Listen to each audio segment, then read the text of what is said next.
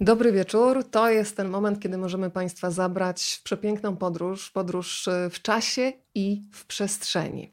A to wszystko za sprawą Sylwii Ziętek i jej wspaniałej książki Polki na Montparnasse. Od razu muszę powiedzieć, e, Sylwia, że czytałam w ten sposób, że pochłaniałam stronę za stroną, ale też sobie porcjowałam, żeby ta książka mi starczyła na dłużej, ale już dzisiaj wiem, że będę wracała do niej nie raz, nie dwa, za co Ci bardzo dziękuję.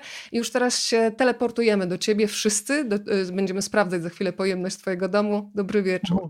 Dobry wieczór, bardzo mi miło. E, miło mi, że wszyscy poświęcacie Państwo czas w to gorące, no nie, nie po południu, już gorący, gorący wieczór, przynajmniej u mnie jest bardzo gorący. Myślę, że jest piękny też y, w Warszawie, w innych miastach. Bardzo miło, jeżeli Państwo mnie oglądacie, słuchacie. Dziękuję. Powiedziałeś, że u ciebie jest ciepło, to teraz ja wiem, gdzie ty jesteś, ale niech się teraz dowiedzą wszyscy, e, gdzie jesteśmy razem z tobą. Jesteśmy w Luksemburgu. Przepięknie. Wiesz, że nigdy nie byłam w Luksemburgu, więc Zapraszam. czuję, że, taki, że teraz w taki sposób wirtualny jestem i ciąg dalszy nastąpi. Zapraszam A już witają. Widzę, że jesteśmy, słuchaj, w Chicago u pani Małgosi. Mm. Mignęła mi gdzieś Zielona Góra. Dobry wieczór, kłania się Londyn. Dobry wieczór, pani Kasiu.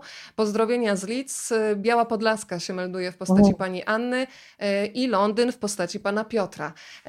Celowo zawsze proszę Państwa o odzew, ponieważ my się z Sylwią widzimy, Państwa nie widzimy, ale czujemy Waszą obecność właśnie dzięki komentarzom, pozdrowieniom z całego świata. Dzisiaj będziemy się wymieniać emocjami, doświadczeniami, bo ta książka Twoja, Sylwia, bardzo działa na emocje. Zacznę od tytułu, czyli Polki na Montparnasse, czyli od razu powiedzmy trochę o Montparnasse, bo bardzo mi się spodobało Twoje porównanie, że Montparnasse Ci się kojarzy bardzo z Saską Kępą w Warszawie. Ja się niedawno stamtąd przeprowadziłam, więc już tęsknię, ale nadaję też z ochotą z ochoty, więc jak to jest z tym Montparnassem? Yy, tak, yy, no ja też jestem wielbicielką Saskiej Kępy, mieszkałam wiele lat i mam ogromny sentyment. Yy, no tak jak Saska Kępa, Montparnasse było takie troszeczkę miasteczko w mieście, czyli dzielnica położona no jednak na uboczu tych głównych, takich turystycznych miejsc Paryża, E, nie po tej stronie rzeki, nie po tej najbardziej prestiżowej, no właśnie zupełnie jak Saska Kępa. E, no i taka właśnie wioska w mieście, czyli, e, czyli dzielnica mała, bo to też raptem jest bulwar Montparnasse, który jest przecinany przez bulwar Raspail i dosłownie kilkanaście jakichś takich małych uliczek, więc to naprawdę nie jest, nie jest ogromna powierzchnia, nawet dzisiaj, nawet, nawet obecnie. E, no i, i e, mała dzielnica bez jakichś spektakularnych zabytków, bo też nie można powiedzieć, że ktoś tam przyjeżdżał, żeby obejrzeć to czy owo. E, natomiast tanie czynsze, no to był ten główny wabik, który, który przyciągał artystów, po prostu było ich stać na, na wynajęcie jakiejś pracowni tam. No i atmosfera, czyli, czyli sam fakt, że gromadzili się tam artyści w zasadzie z całego świata, bo E, od początku, no już w XIX wieku zaczęli tam przyjeżdżać e, nie tylko Europejczycy, ale też i Amerykanie, ludzie z Nowej Zelandii, Australii, e, czyli w zasadzie każdy, kto nie mógł się specjalnie odnaleźć w swoim kraju, miał ten zew wolności, potrzebował, potrzebował czegoś więcej do tego, żeby tworzyć i odnajdywał te możliwości w Paryżu. Co też ważne, nie trzeba było mieć paszportu, nikt nikogo nie, nie inwigilował, nie weryfikował, także E, też pewne osoby zaplątane w jakieś różne dziwne e, sytuacje, tudzież walkę z zaborcą na przykład, mogły się tam jakoś e, zadomowić i czuć się po prostu bezpiecznie. Ja cały czas przyglądam się, słucham Cię bardzo uważnie, Sylwia, i przyglądam się komentarzom, które się pojawiały. I zobacz, kto jest razem z nami. Osoba, która e, chyba jest dla Ciebie też bardzo ważna przy okazji tej książki, tak, więc tak. zacznijmy tak. od Renaty de la Chapelle. Tak, Renata de la Chapelle, y, moja agentka, tak mogę powiedzieć z dumą. Tak, tak, nasz, nasze spotkanie to był w ogóle taki, przepraszam za to niepolskie wyrażenie, ale popularny, taki trigger dla, dla pewnego, dla, dla tego projektu tak naprawdę. Czyli bo... coś, co uruchamia działanie, prawda? Tak, Jest tak, takim tak, takim impulsem, tak. tak, bo w jakiś sposób poznała nas Anita Musioł, tak, szefowa pauzy, E, i, i e, zaczęłyśmy rozmawiać e, no, o, o, wspólnych fascynacjach, właśnie o różnych malarkach, o różnych artystkach, które są no, niedostatecznie reprezentowane w postaci publikacji, książek, czy, czy no w ogóle są nieznane, a absolutnie na to zasługują. I wymieniałyśmy nazwiska, zrobiliśmy taką giełdę nazwisk, okazało się, że rzeczywiście mamy wiele wspólnych pasji, no i, i dzięki temu też myśl o książce zaczęła się troszeczkę bardziej konkretyzować, bo ja się troszeczkę, no od dłuższego czasu się nosiłam z zamiarem napisania czegoś o malarce. Chciałam napisać biografię, biografię malarki. I oczywiście wybór jest duży. Najpierw myślałam o Anie Bilińskiej-Bogdanowicz, później o Meli Muter, ale okazało się, że tych nazwisk jest tak wiele, że troszeczkę szkoda się zamykać e, i, i koncentrować tylko na jednej postaci. No, po prostu ich, tych zapomnianych niesłusznie e, kobiet jest, jest zbyt wiele. To prawda, zgodzę się z Tobą. Y, twoja książka też myślę, że dla wielu będzie początkiem takich poszukiwań na własną rękę, bo mamy główne bohaterki i takie, które gdzieś przemykają przez karty Twojej książki, ale masz ochotę też za nimi skręcić w jakąś paryską uliczkę i po prostu poodkrywać y, ich losy. Y, powiem jeszcze jedną bardzo ważną rzecz. Jeżeli Państwo mają ochotę podzielić się dzisiejszym spotkaniem z Sylwią Ziętek, to jak najbardziej polecam. Można to zrobić w bardzo prosty sposób. Pod tymi okienkami, jeżeli Państwo nas oglądają na Facebooku, jest taka możliwość, jest taki guziczek jak udostępnij, wystarczy nacisnąć i ta rozmowa pojawi się również na Państwa facebookowej osi czasu. Y, Im nas więcej, tym będzie przyjemniej. Od razu też mówię, że te rozmowy mają to do siebie, że Państwo są bardzo ważną ich częścią, więc jeżeli rodzi się w głowie ciekawość, to proszę ją od razu zamieniać na pytania. Sylwia na pewno dzisiaj z przyjemnością na wszystkie pytania odpowie. Zastanawiam się, Sylwia, czy od razu wiedziałaś, że ta książka będzie miała taką konstrukcję, którą sobie tak roboczo w głowie zatytułowałam Chodzimy po swoich śladach, bo można było zrobić tak, żeby opisać malarki, artystki w zasadzie pojedynczo, prawda? Zamykając tak. ich historię od A do Z, a ty ją skonstruowałaś w taki sposób, że te malarki, te losy się przenikają. Czasami to są faktycznie ślady, na które się nakładają kolejne ślady. Kiedy stwierdziłaś, że ta konstrukcja będzie czymś, co jeszcze mocniej czytelnika wciągnie w tę opowieść? Y, tak, no ta konstrukcja rodziła się w pewnych bólach, nie będę ukrywać. Y, ostatnio jakaś tutaj miała czytelniczka mi napisała, że się kiedy czyta tą książkę, to to, to jest, y, ta, ta, ta, ta opowieść płynie i jest taka, mm, jest tak łatwo przyswajalna. Ja się bardzo cieszę z tego efektu, bo on naprawdę był okupiony ogromem jakichś dywagacji, wątpliwości, rozterek. Ja od początku wiedziałam, że jeżeli chcę pisać o kilku postaciach, nie chcę właśnie mm, robić tego w taki tradycyjny, powiedzmy, sposób, tak jak wspomniałaś, czyli poświęcając część tekstu jednej osobie i, i przechodząc do drugiej, do kolejnej i tak e, tworząc taki katalog e, życiorysów.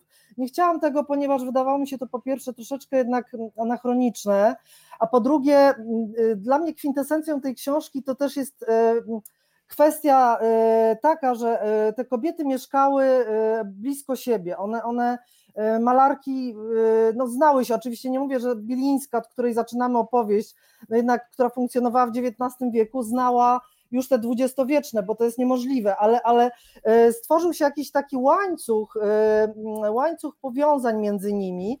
I chciałam, chciałam też, żeby z tej, proz, z tej, z tej opowieści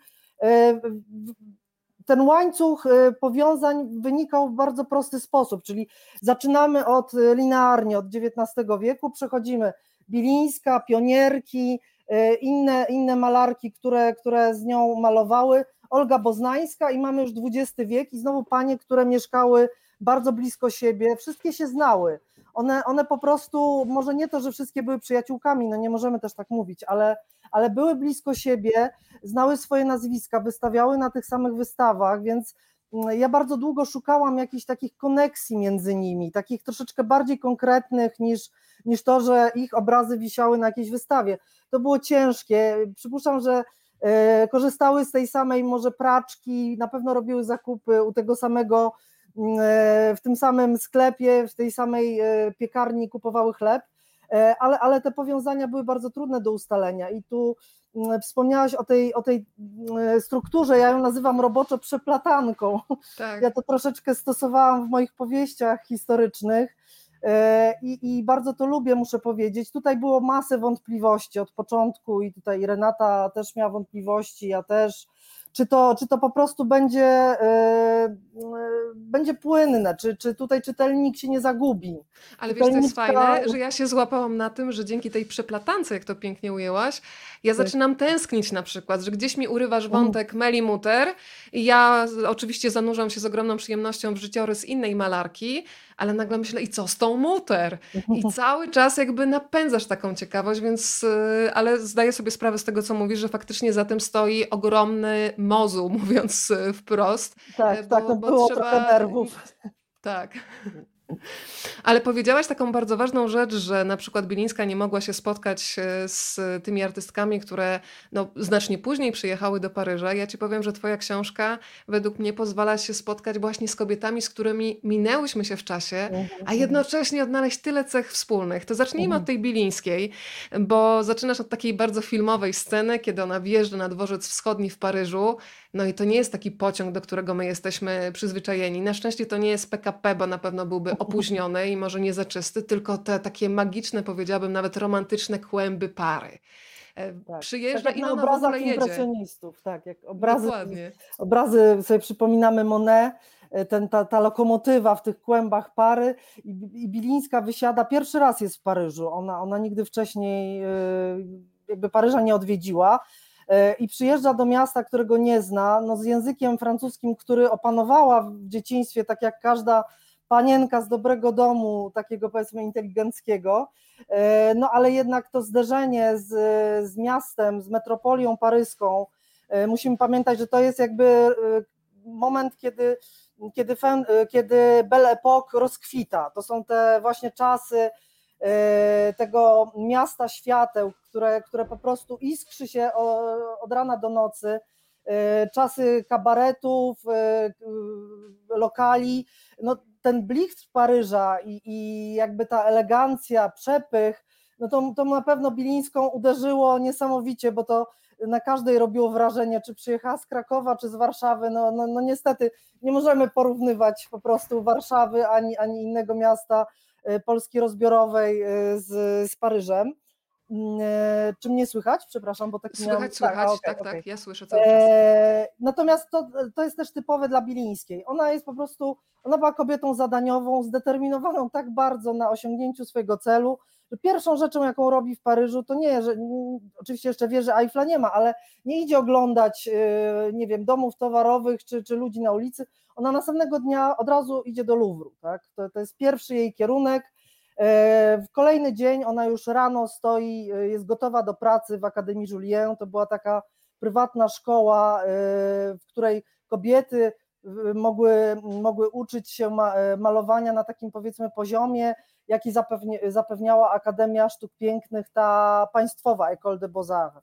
Także ona, ona jest kobietą bardzo, bardzo konkretną, bardzo silną i, i mimo, że ma tak bardzo mało pieniędzy, bo, bo wspomniała o tym w pamiętniku, że przyjeżdża z bardzo skromną sumą, no jakby bierze byka za rogi i, i e, nie ma specjalnie środków, nie ma możliwości, ale, ale, ale przystępuje do podbijania sceny, no można powiedzieć tak, artystycznej.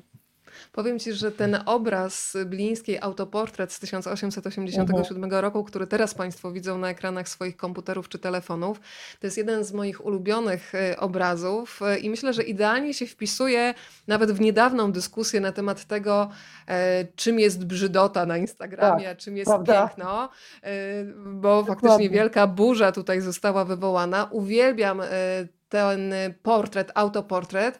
Powiem Ci szczerze, że ja nawet, y, może dlatego, że ja zawsze też mam włosy stojące każdy w inną stronę na wietrze, więc nawet nie zwróciłam uwagi, że one nie są takie, wiesz, uładzone, ale tak. faktycznie dzięki Twojej książce zdaję sobie sprawę, że cały czas trzeba uruchamiać myślenie, które funkcjonowało w XIX wieku.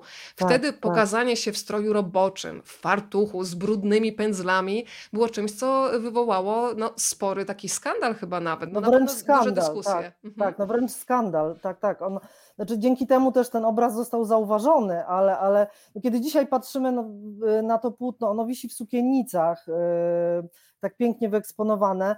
Yy, no dzisiaj mamy przed sobą kobietę pełną pasji, taką prawdziwą artystkę, to tak jakby ona tak. do nas mówiła, prawda, oto ja, taka jestem, nie, nie, nie wstydzę się pokazać w roboczej sukni, w fartuchu, potargana, właśnie, właśnie przestałam malować, znam swoją wartość, wiem kim jestem.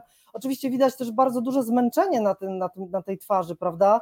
To nie jest jakaś pełna pełna wigoru już młodziutka, młodziutka kobieta, tylko raczej osoba, która sporo przeszła i to rzeczywiście e, w tym momencie, kiedy Bilińska malowała ten autoportret, ona miała za sobą potworne przeżycia e, osobiste, e, śmierć przyjaciółki, śmierć ojca, śmierć narzeczonego. I to wszystko naprawdę odbija się w jej twarzy, a z drugiej strony sztuka ją, sztuka ją uratowała, dzięki sztuce jakby nie zrezygnowała z zamiaru popełnienia samobójstwa, bo to aż, aż chodziło o, o, o tak trudne stany depresyjne, E, no ale tak jak wspomniałyśmy, ten obraz wywołał skandal. E, pisano, że taka, taka właśnie kobieta nie, jakby nieokrzesana, nie, nie, nie ma wstydu, nie, nie, Rzeczywiście ten autoportret po prostu odbiegał od kanonu, jaki wtedy malarki stosowały, bo kiedy popatrzymy na inne autoportrety pań, no to one są wszystkie właśnie Wymuskane ubrane, takie. Tak, doskonale ułożone włosy, wpięte kwiaty i one takie są powabne z tym pędzelkiem, sobie stoją, takie są po prostu no, przepiękne, a, a Bilińska postawiła na, na szczerość, na autentyczność, na pokazanie swojej prawdziwej twarzy, swojego prawdziwego ja i, i rzeczywiście wygrała, dostała medal za ten obraz i rozpoczęła wielką, wielką karierę y, zagraniczną, która pewnie by ją doprowadziła no jeszcze dalej niż, niż to się stało, no ale, ale takie się po prostu życie ułożyło zachorowała i, i, i niestety, ale, ale osiągnęła bardzo dużo, bardzo dużo. Kolejni widzowie do nas dołączają. Bardzo się cieszę, że Państwo są zarówno na YouTubie, jak i na Facebooku. Czujemy Waszą obecność i bardzo za nią dziękujemy. E, Bilińska wspomniana to taka zagorzała też czytelniczka Elizy Orzeszkowej, o czym e, pise, piszesz, ale też pokazujesz, w jakiej sytuacji były Polki, mm, które chciały żyć po swojemu, które przede wszystkim chciały się rozwijać artystycznie. No, w, w Polsce w zasadzie nie miały za wiele możliwości. E, powiedzmy trochę o tym, jak E, w ogóle wyglądała sytuacja, kiedy kobieta chciała namalować modela lub modelkę, jeszcze nagiego modela, koniec świata? Mhm. No w Polsce rozbiorowej, oczywiście mówimy o Polsce tak. rozbiorowej, to są lata 80. XIX wieku, no w ogóle nie mogła tego takiego e, modela namalować. E, nawet, nawet taki dosyć postępowy profesor Gerson, u którego Bilińska pobierała nauki rysunku w takiej prywatnej uczelni, no on pozwalał swoim e, uczennicom malować tylko odlewy gipsowe, bo uważano, że po prostu no panienka, która no generalnie, której życiowym celem jest za mąż pójście, e, no nie może malować żywej osoby, no nie daj Boże z jakimś fragmentem nagiego ciała, bo przecież by się zdemoralizowała i, i, no i zniweczyła swoje szanse na rynku matrymonialnym, także E, także to było w ogóle moralnie niedopuszczalne. To muszę zaznaczyć, że Jan Matejko, który wtedy naprawdę rządził polską sceną artystyczną i on, no można powiedzieć, rozdawał karty, to znaczy on był tym, tym największym guru merytorycznym, ale też e, no wszystko od niego zależało tak naprawdę, każda kariera artystyczna w, w Krakowie czy w Warszawie, on nawet mężczyznom w Krakowie nie pozwalał korzystać z modelek, czy korzystać z modelek, to brzmi bardzo źle, e, tak. malować, przepraszam, malować nagie panie, natomiast no mężczyzna zawsze sobie mógł za swoje prywatne pieniądze taką modelkę po prostu wynająć i w swojej pracowni malować ją do woli, zresztą tak robiono. No ale kobieta, no absolutnie było to absolutnie, absolutnie niemożliwe. No trzeba było jechać do Paryża, e, bo tam już rzeczywiście ta rewolucja zaszła na tyle daleko, że w prywatnych szkołach, bo oczywiście w szkołach państwowych nadal kobiety nie mogły się uczyć, ale w prywatnych szkołach za spore pieniądze za, za większe niż płacili mężczyźni. To też trzeba powiedzieć, że panie za, to, tak. za ten przywilej e, nauki na takim poziomie jak panowie musiały więcej zapłacić. E, I troszeczkę były jednak traktowane gorzej, no ale mogły, mogły tego modela, no powiedzmy półnagiego, no bo nie oszukujmy się, no też to nie byli mężczyźni całkowicie, prawda, obnażeni, no ale chociaż pokazywali co nieco, chociaż, chociaż tors, to już było bardzo ważne, bo no, no, no po prostu można było się nauczyć fizjologii ludzkiego ciała. To prawda. Powiem Ci, że dzisiaj sobie przygotowałam kilka fragmentów, żeby Państwo poczuli też język e, Twojej opowieści. Bardzo lubię ten moment, kiedy Bilińska bardzo krytycznie pisze o impresjonistach. Tak. Myślę, że w e, tej historii sprzed lat odnajdzie się wielu artystów, którzy mają takie przekonanie, że robią coś wartościowego, a cały czas mhm. świat jeszcze się na tym nie poznał. Oczywiście tak, to jest tak. smutne, że często są ludzie odkrywani dopiero po swojej śmierci, ale Bilińska o impresjonistach pisze między innymi tak. Dotąd słyszałam tylko o tych cudakach, a teraz przekonałam się na własne oczy o ich idiotyzmie. Trudno sobie coś bardziej śmiesznego, yy, dziecinnego i niedołężnego przedstawić. No to naprawdę no jest taka krytyka miażdżąca. Tak, tak, tak, ale tu trzeba też zaznaczyć, że Bilińska, mimo że krytykowała impresjonistów, to sama też podejmowała próby impresjonistyczne. Jest kilka obrazów, yy, na przykład Bretonka na progu chaty, ale też pejzaż z Berlina, Unter den Linden. To są typowo impresjonistyczne obrazy, więc ona też eksperymentowała ze światłem, E, nie wiadomo w jakim kierunku poszłaby jej kariera, być może w ogóle porzuciłaby ten akademizm i realizm, jednak by się troszeczkę przekonała. Ja myślę, że to była taka trochę e, poza, e, poza w tym liście, który zacytowałaś, bo napisała do swojego narzeczonego, który był jednak takim no, no, bardzo realistycznym malarzem i, i no, jednak takim hołubiącym takich artystów jak Grodger, no to porównajmy sobie, gdzie Grodger, gdzie Monet, Manet, bo ona akurat tak. odnosiła się do, do Edwarda Manet. E, ona też krytykowała feministki, a, a prawda jest taka, że jej życie to jest po prostu idealny w zasadzie przykład e, tego, tej emancypacji przez sztukę, bo, bo rzeczywiście sztuka w jej życiu i w życiu w ogóle tych kobiet, które tam pojechały do Paryża, ona była tym takim czynnikiem, dzięki któremu e, kobiety odnalazły swój cel, potrafiły go jakby konsekwentnie realizować, za czym oczywiście szły na wybory bardzo trudne i wybory czasami tragiczne, tak jak w przypadku Olgi Boznańskiej, jakby rezygnacja w ogóle z życia rodzinnego, tak. znaczy rodzinnego, w ogóle ze związku takiego y, damsko-męskiego. Ale e, zatrzymajmy się przy tej tak. poznańskiej, bo wiesz co, pierwszy raz tak mhm. naprawdę ja się nigdy koś nad tym nie zastanawiałam, ale dzięki tobie no, pozwoliłam sobie podczas lektury raz na moment zatrzymania, czyli uruchamiałaś w ogóle obrazy poprzez słowa, bo byłam w tym XIX-wiecznym e, Paryżu, ale dwa, że dłużej zaczęłam e, patrzeć na obrazy. I powiem mhm. Ci, że w tym malarstwie boznańskiej pierwszy raz, ponieważ wcześniej jakoś temu nie poświęcałam czasu, zobaczyłam bardzo dużo takiego, one są po prostu niepokojące. Tak, tak, tak, zwłaszcza, zwłaszcza obrazy dzieci. Ja, ja troszeczkę o tym piszę, tak. E, bo portrety, portrety dziewczynek, które, które no w zasadzie są takim znakiem rozpoznawczym e, Olgi Boznańskiej, no one jednak e, mają w sobie ogromną tajemnicę. E, tutaj trzeba też jasno powiedzieć, że jakby w odniesieniu do twórczości poznańskiej są takie dwa obozy e, znawców życia i twórczości Olgi Boznańskiej i są znawcy, historycy sztuki i biografiści, którzy uważają, że tą taką destrukcyjną siłą w życiu Boznańskiej była matka i jest y, obóz przeciwny, z którym ja się identyfikuję, że to jednak ojciec był, był tą. -hmm. I tutaj można się spierać godzinami, nie mamy na to czasu, można było urządzić panel dyskusyjny, tak. matka, czy to, czy to matka, czy to ojciec, bo się porównuje, y, jakie obrazy malowała po śmierci matki, jakie po śmierci ojca. Y, Joanna Sosnowska, profesor panu z Warszawy, no ona jest autorką takiej, takiej tezy o tym, że w tej rodzinie Boznańskich działo się coś bardzo, bardzo złego i tutaj oczywiście no, na, przychodzą na myśl e, kwestie molestowania seksualnego i to nie tylko Olgi Boznańskiej, ale też jej siostry Izy, która, która później już w dorosłym życiu popełniła samobójstwo i generalnie bardzo, bardzo się zmagała z różnymi, z różnymi problemami, e, z, narkoty, tak, no, z uzależnieniem od narkotyków, alkoholu i, i tak dalej. E, no nie mam na to czasu, żeby o tym mówić, ale rzeczywiście kiedy, może proszę, proszę spojrzeć, może, może to Państwa jakoś też e, zaintryguje. E, te, te twarze dziewczynek, które Olga Bońdańska maluje, one mają w sobie e, właśnie taki pierwiastek lęku, ale, ale tak jak powiedziałaś, niepokój, ogromny niepokój, tak jakby te dziewczynki skrywały wielki sekret, z którym z nikim nie mogą się podzielić i nikomu ujawnić, a który, który jednak bardzo im ciąży. Oczywiście niektórzy mogą powiedzieć, że to jest nadinterpretacja, bo dzisiaj mamy takie czasy, jakie mamy i wszędzie się dopatrujemy prawda, y, pewnych, pewnych patologicznych sytuacji, ale, ale życie Olgi Boznańskiej i jej siostry, no jakby przebieg tego życia też o czym świadczy. To, to były losy bardzo trudne.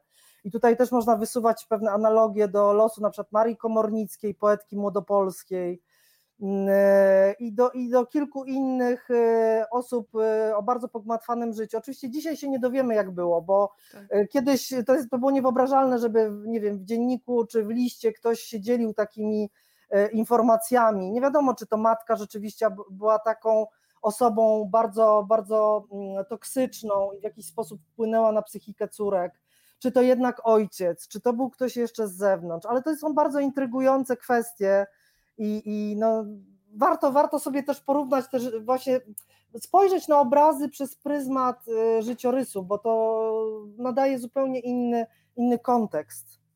Dokładnie tak, za każdym płótnem stoi jakaś historia. Ja przyznaję, że po Twojej książce kompletnie inaczej patrzę na obrazy, mhm. które znałam, e, a teraz mam wrażenie, że ta wrażliwość jakoś e, artystki, która już dawno nie żyje, gdzieś się łączy z tym odbiorem, z tym, co już jest zapisane we mnie dzięki Twojej opowieści. To jest oczywiście Olga Boznańska w pracowni.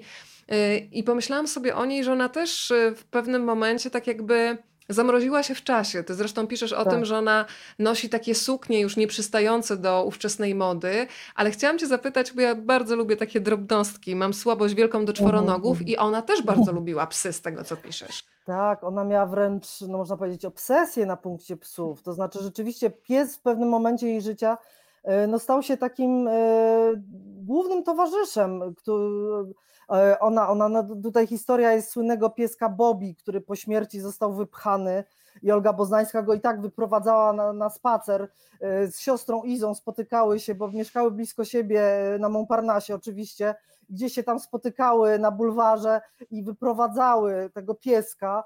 E, no rzeczywiście, rzeczywiście te, te zwierzęta były bardzo ważne w, w, życiu Olgi Boznańskiej. Wszyscy słyszeliśmy o tych, o tych słynnych myszkach, tak, których E, które biegały po pracowni. Oczywiście w tych relacjach dotyczących Boznańskiej było sporo przesady, bo też było z Boznańską tak, że ona w pewnym momencie właśnie dla kolonii polskiej w Paryżu stała się takim jakby żywym pomnikiem, bo, bo e, w latach dwudziestych jakby jej obrazy no już, nie, już, już nie miały, nie były tak popularne jak, jak na początku XX wieku, natomiast ona sama obrosła legendą, właśnie nosiła te suknie takie, no zupełnie jakby, jakby trwał, nie wiem, 1905 rok ciągle, też fryzowała włosy, robiła sobie ten słynny taki wałek. No, tak. no po prostu to, no, wtedy kobiety obcinały włosy na krótko, a nie, a nie, yy, a nie wracały do, do mody XIX-wiecznej. Więc ona była takim trochę, no mówiło się właśnie, że to skansen chodzący. Bardzo to było yy, takie też yy, no jednak uwłaczające i, i ona się stała obiektem drwin. Yy, w zasadzie każdy, kto przyjeżdżał na Montparnasse odwiedzić yy, po prostu polską kolonię, no to, no to się od razu kierował do pracowni boznańskiej i później relacjonował. I to naprawdę mamy tych relacji mnóstwo, bo czy Jerzy Waldorf, czy nawet Maria Jarema, no naprawdę tutaj wymieniać, wymieniać. No każdy biegł do tej pracowni i potem opisywał, tak, tak, rzeczywiście te myszy, wszędzie, wszędzie są myszy, y, biegają po, po, po obrazach, y, nie mówiąc o psach, które po prostu czują się, jakby, jakby to było ich dom, y, siedzą w pościeli, Olga je karmi po prostu, wsadza im tam y, smaczne kąski do pyska. Y, no ale oczywiście te, te, te relacje były poniekąd krzywdzące, bo to była osoba, która, która w pewnym momencie, można powiedzieć, zdziwaczała. Natomiast ona się wycofała z życia, prawda? Stworzyła ona się tak, taki własny świat. Własny świat i ona w tym świecie się tak kompletnie zasklepiła. No też nie ona jedna jako artystka, bo to był szereg różnych czynników, które do tego doprowadziły i rzeczywiście e, ten jej stan takiego, można powiedzieć, odklejenia od, od rzeczywistości, no on się pogłębiał i tak, tak było już do końca. E, też ona przez, przez to, że była jednak bardzo osobą życzliwą i, i taką troszeczkę no, zawieszoną, gdzieś nie bardzo, nie bardzo mm, związaną z rzeczywistością, e, była też wykorzystywana przez wiele osób. Finansowo, prawda? Była Finansowo takim bankomatem. Głównie. Tak, a sama też była kompletnie roztrzepana, dostawała pieniądze za obraz, gdzieś je ukrywała na czarną godzinę, po czym oczywiście kiedy nadchodziła ta czarna godzina, to nie była w stanie tego znaleźć, więc, więc y, rzeczywiście no, postać poniekąd też tragiczna, prawda? Tak. Sylwia, to teraz y, porozmawiajmy trochę o takiej artystce, która chyba jest wyjątkowo bliska Twojemu sercu, bo wszystko się zaczęło od aukcji, kiedy wylicytowałaś rysunek podpisany przez Irenę Renault. E, Tak. I wtedy, jak rozumiem, kiedy kupowałaś tę pracę, to kompletnie nie wiedziałaś, y, kim była ta artystka, tak? Po prostu spodobał ci się rysunek. Taka, taka Tak, była tak. geneza, czy przesadzam? Nie, nie, no w zasadzie tak, bo akurat mieliśmy tak, taką ideę z mężem e, kupienia, e, kupienia na aukcji jakiegoś, e, jak, no, takiego, na który nas było stać, takiej pracy, którą zabierzemy z Warszawy, no właśnie wyjeżdżając do Luksemburga. E, No i licytowaliśmy jakiś taki paryski widok, e, oczywiście e, narysowany przez polskiego artystę, no ale to już był poza naszym zasięgiem finansowym i wtedy, i wtedy po prostu muszę powiedzieć, że Irena Renault była tym naszym drugim wyborem, E, Więc tak się po prostu los ułożył, że kupiliśmy, kupiliśmy ten pastel, e, taki dosyć e, charakterystyczny. Też w książce ten pastel jest, ja nie wiem czy, czy odnajdę, może postaram się pokazać.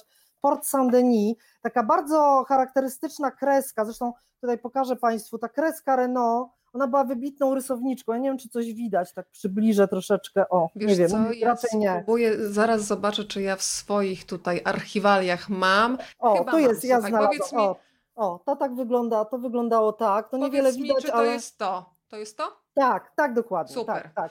Port Saint-Denis. I proszę zauważyć, to jest rysunek wykonany e, no, w latach dwudziestych w Paryżu.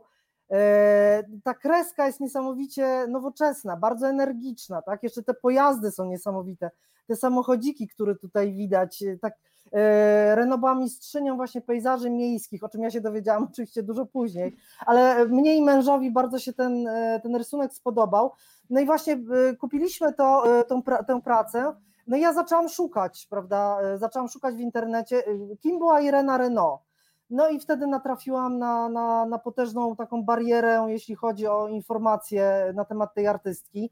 E, Nie było w zasadzie, no nie mogłam znaleźć niczego. Później trafiłam na, e, na mm, set takich e, wiadomości, które w toku badań okazały się nieprawdziwe. Natomiast rzeczywiście od tego wszystko się zaczęło. Ja też poczułam taką potrzebę po prostu dotarcia do jakiejś prawdy, bo pomyślałam sobie, to, to jest niemożliwe, żeby istniało tyle prac tej artystki, a o niej, o niej nie wiemy niczego i, i niczego się nie sposób dowiedzieć. Gdzieś te informacje muszą być.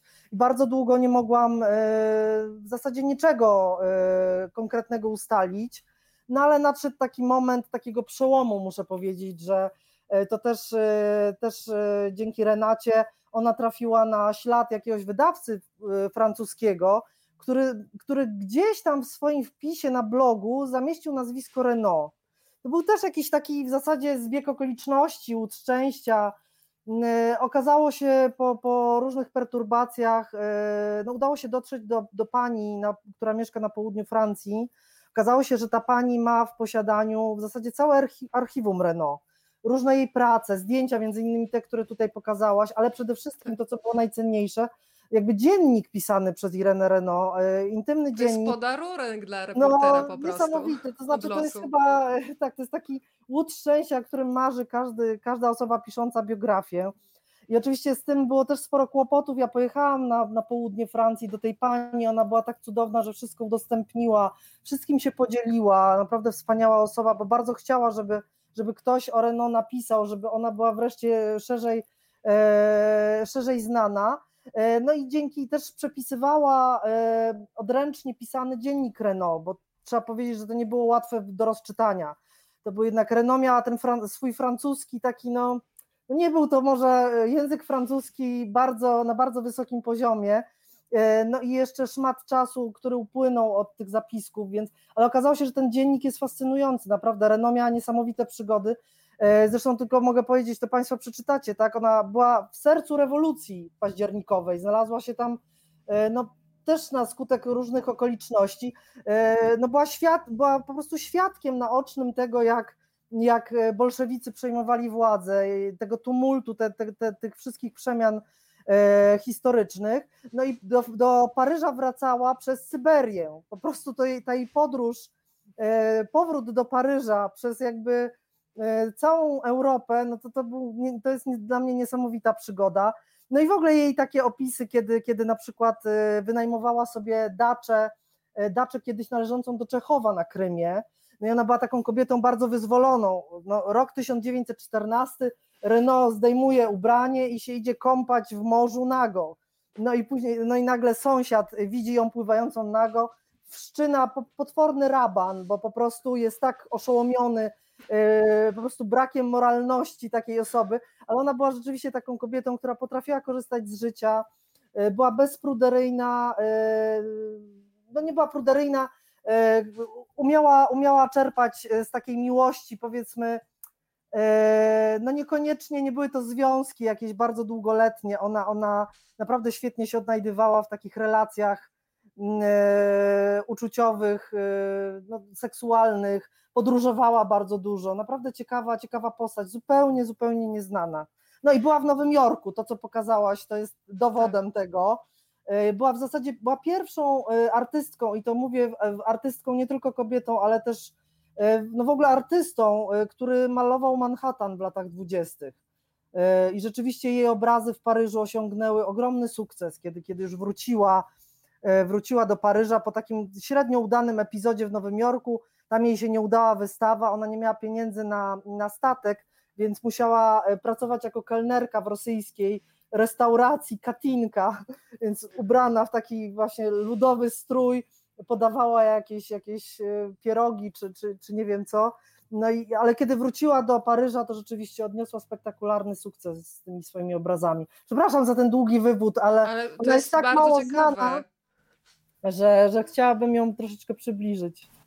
Słuchaj, Państwo już zamawiają książki. Pani Anna napisała, że zamówi sobie książkę zaraz po spotkaniu. Fantastycznie się słucha. Czuję, że nie będę w stanie jej odłożyć. To będzie najlepszy prezent na moje urodziny. To Pani Ada od razu życzenia urodzinowe od nas. Wszystko Bardzo dobrego. podoba mi się to, co Pan Piotr, co Piotr z Londynu napisał. Jakie to szczęście żyć w czasach i miejscu, gdzie kobiety wreszcie mogą tyle samo, co mężczyźni, że ich osiągnięcia są widoczne i doceniane, że to one coraz częściej mężczyznom objaśniają świat, a nie odwrotnie, jak było przez wieki.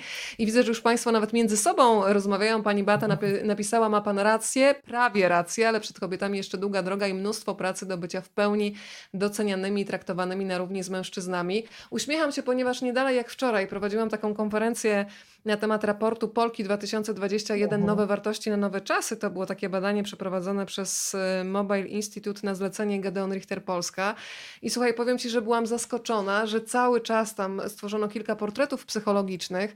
Po pierwsze okazało się, że Polki kompletnie nie potrafią odpoczywać, ale też kiedy była rozmowa na temat tego, mm, jak one się zachowają w sytuacji kariera męża i ich, tak to tak. zdecydowana większość w zasadzie we wszystkich typach psychologicznych mówiła, że no one się jednak usuną w cień. I tutaj tak, od razu mi przychodzi tak. do głowy jedna z twoich bohaterek, e, Halicka Alic, pani, tak.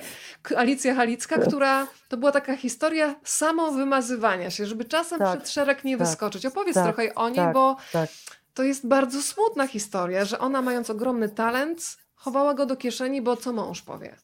Znaczy to tak, Halicka miała ogromny potencjał, to była też y, bardzo, mm, no była wielo, ona była wielozadaniowa, y, bardzo e, utalentowana w wielu dziedzinach sztuki, bo tutaj nie tylko malarstwo, ale też scenografia, kostiumy i, i rzeczywiście ilustracje książkowe, także ona była wszechstronna.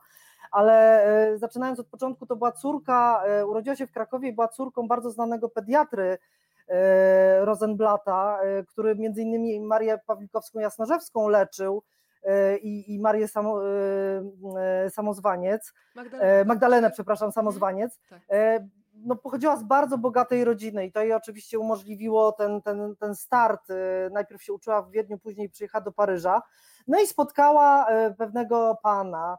E, pan się nazywał Ludwik Markus, bo też pochodził z Krakowa i też miał żydowskie korzenie, no ale już był na tyle światowy w Paryżu, że posługiwał się takim pseudonimem, który mu nadał Apoliner, jego kumpel zresztą. Przepraszam za te takie swobodne sformułowania, ale, ale rzeczywiście to była taka paczka Picassa. Właśnie Markus się przyjaźnił też z Picassem, Picasso zresztą mu odbił dziewczynę Ewę Guel. I, I ta przyjaźń e... przetrwała po tym odbiciu też, czy nie? Tak, tak, bo Marcusi, tak. właśnie i on się został nazwany przez Apollinera Marcusi, więc on już robił ogromną karierę jako kubista. E, to były czasy jeszcze przed I wojną światową i kubizm był takim no, najmocniejszym trendem sztuki nowoczesnej. Rzeczywiście to była awangarda absolutna. I Marcusi e, no, miał już jakieś osiągnięcia, to było jakieś nazwisko zauważalne. No a Halicka była młodą malarką, czyli tutaj mamy ten taki, powiedziała, powiedziała dla bardzo wielu par typowy układ, prawda? Mistrz, uczennica, czyli ten mężczyzna, który już jest osadzony w środowisku i coś już osiągnął, no i jest ta adeptka, która, która po prostu, no on niczym pigmalion, y, no będzie ją kształtował na, na przyszłą artystkę.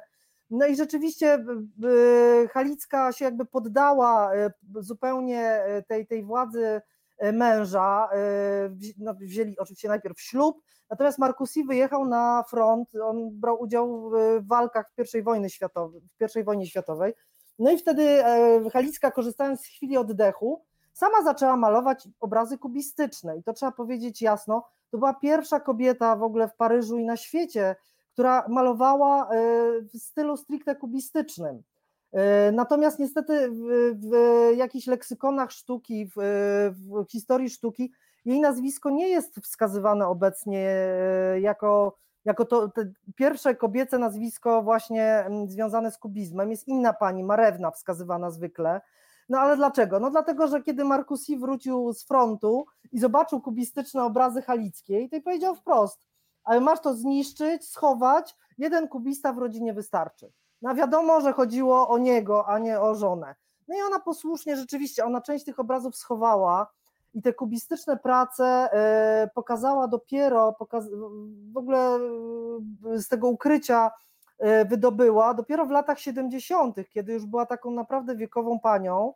Jej mąż dawno nie żył, więc tutaj już nie było tej, tej cenzury z jego strony. Tak. Rzeczywiście odbyła się, odbyła się w Paryżu taka wystawa prac halickiej stricte kubistycznych. Odniosła duży sukces. Zresztą na dzisiaj jej prace są naprawdę wysoko cenione. Ostatnio widziałam na aukcji kubistyczną, jakąś martwą naturę halickiej, y, y, no estymacja 75-100 tysięcy, no to jest dosyć, no to jest wow. spora suma. Konkret. Y, tak, natomiast no, Halicka przestała zajmować się kubizmem, poszła w stronę takich trochę obrazów intymistycznych, malowała córkę, bo w międzyczasie urodziło się im dziecko.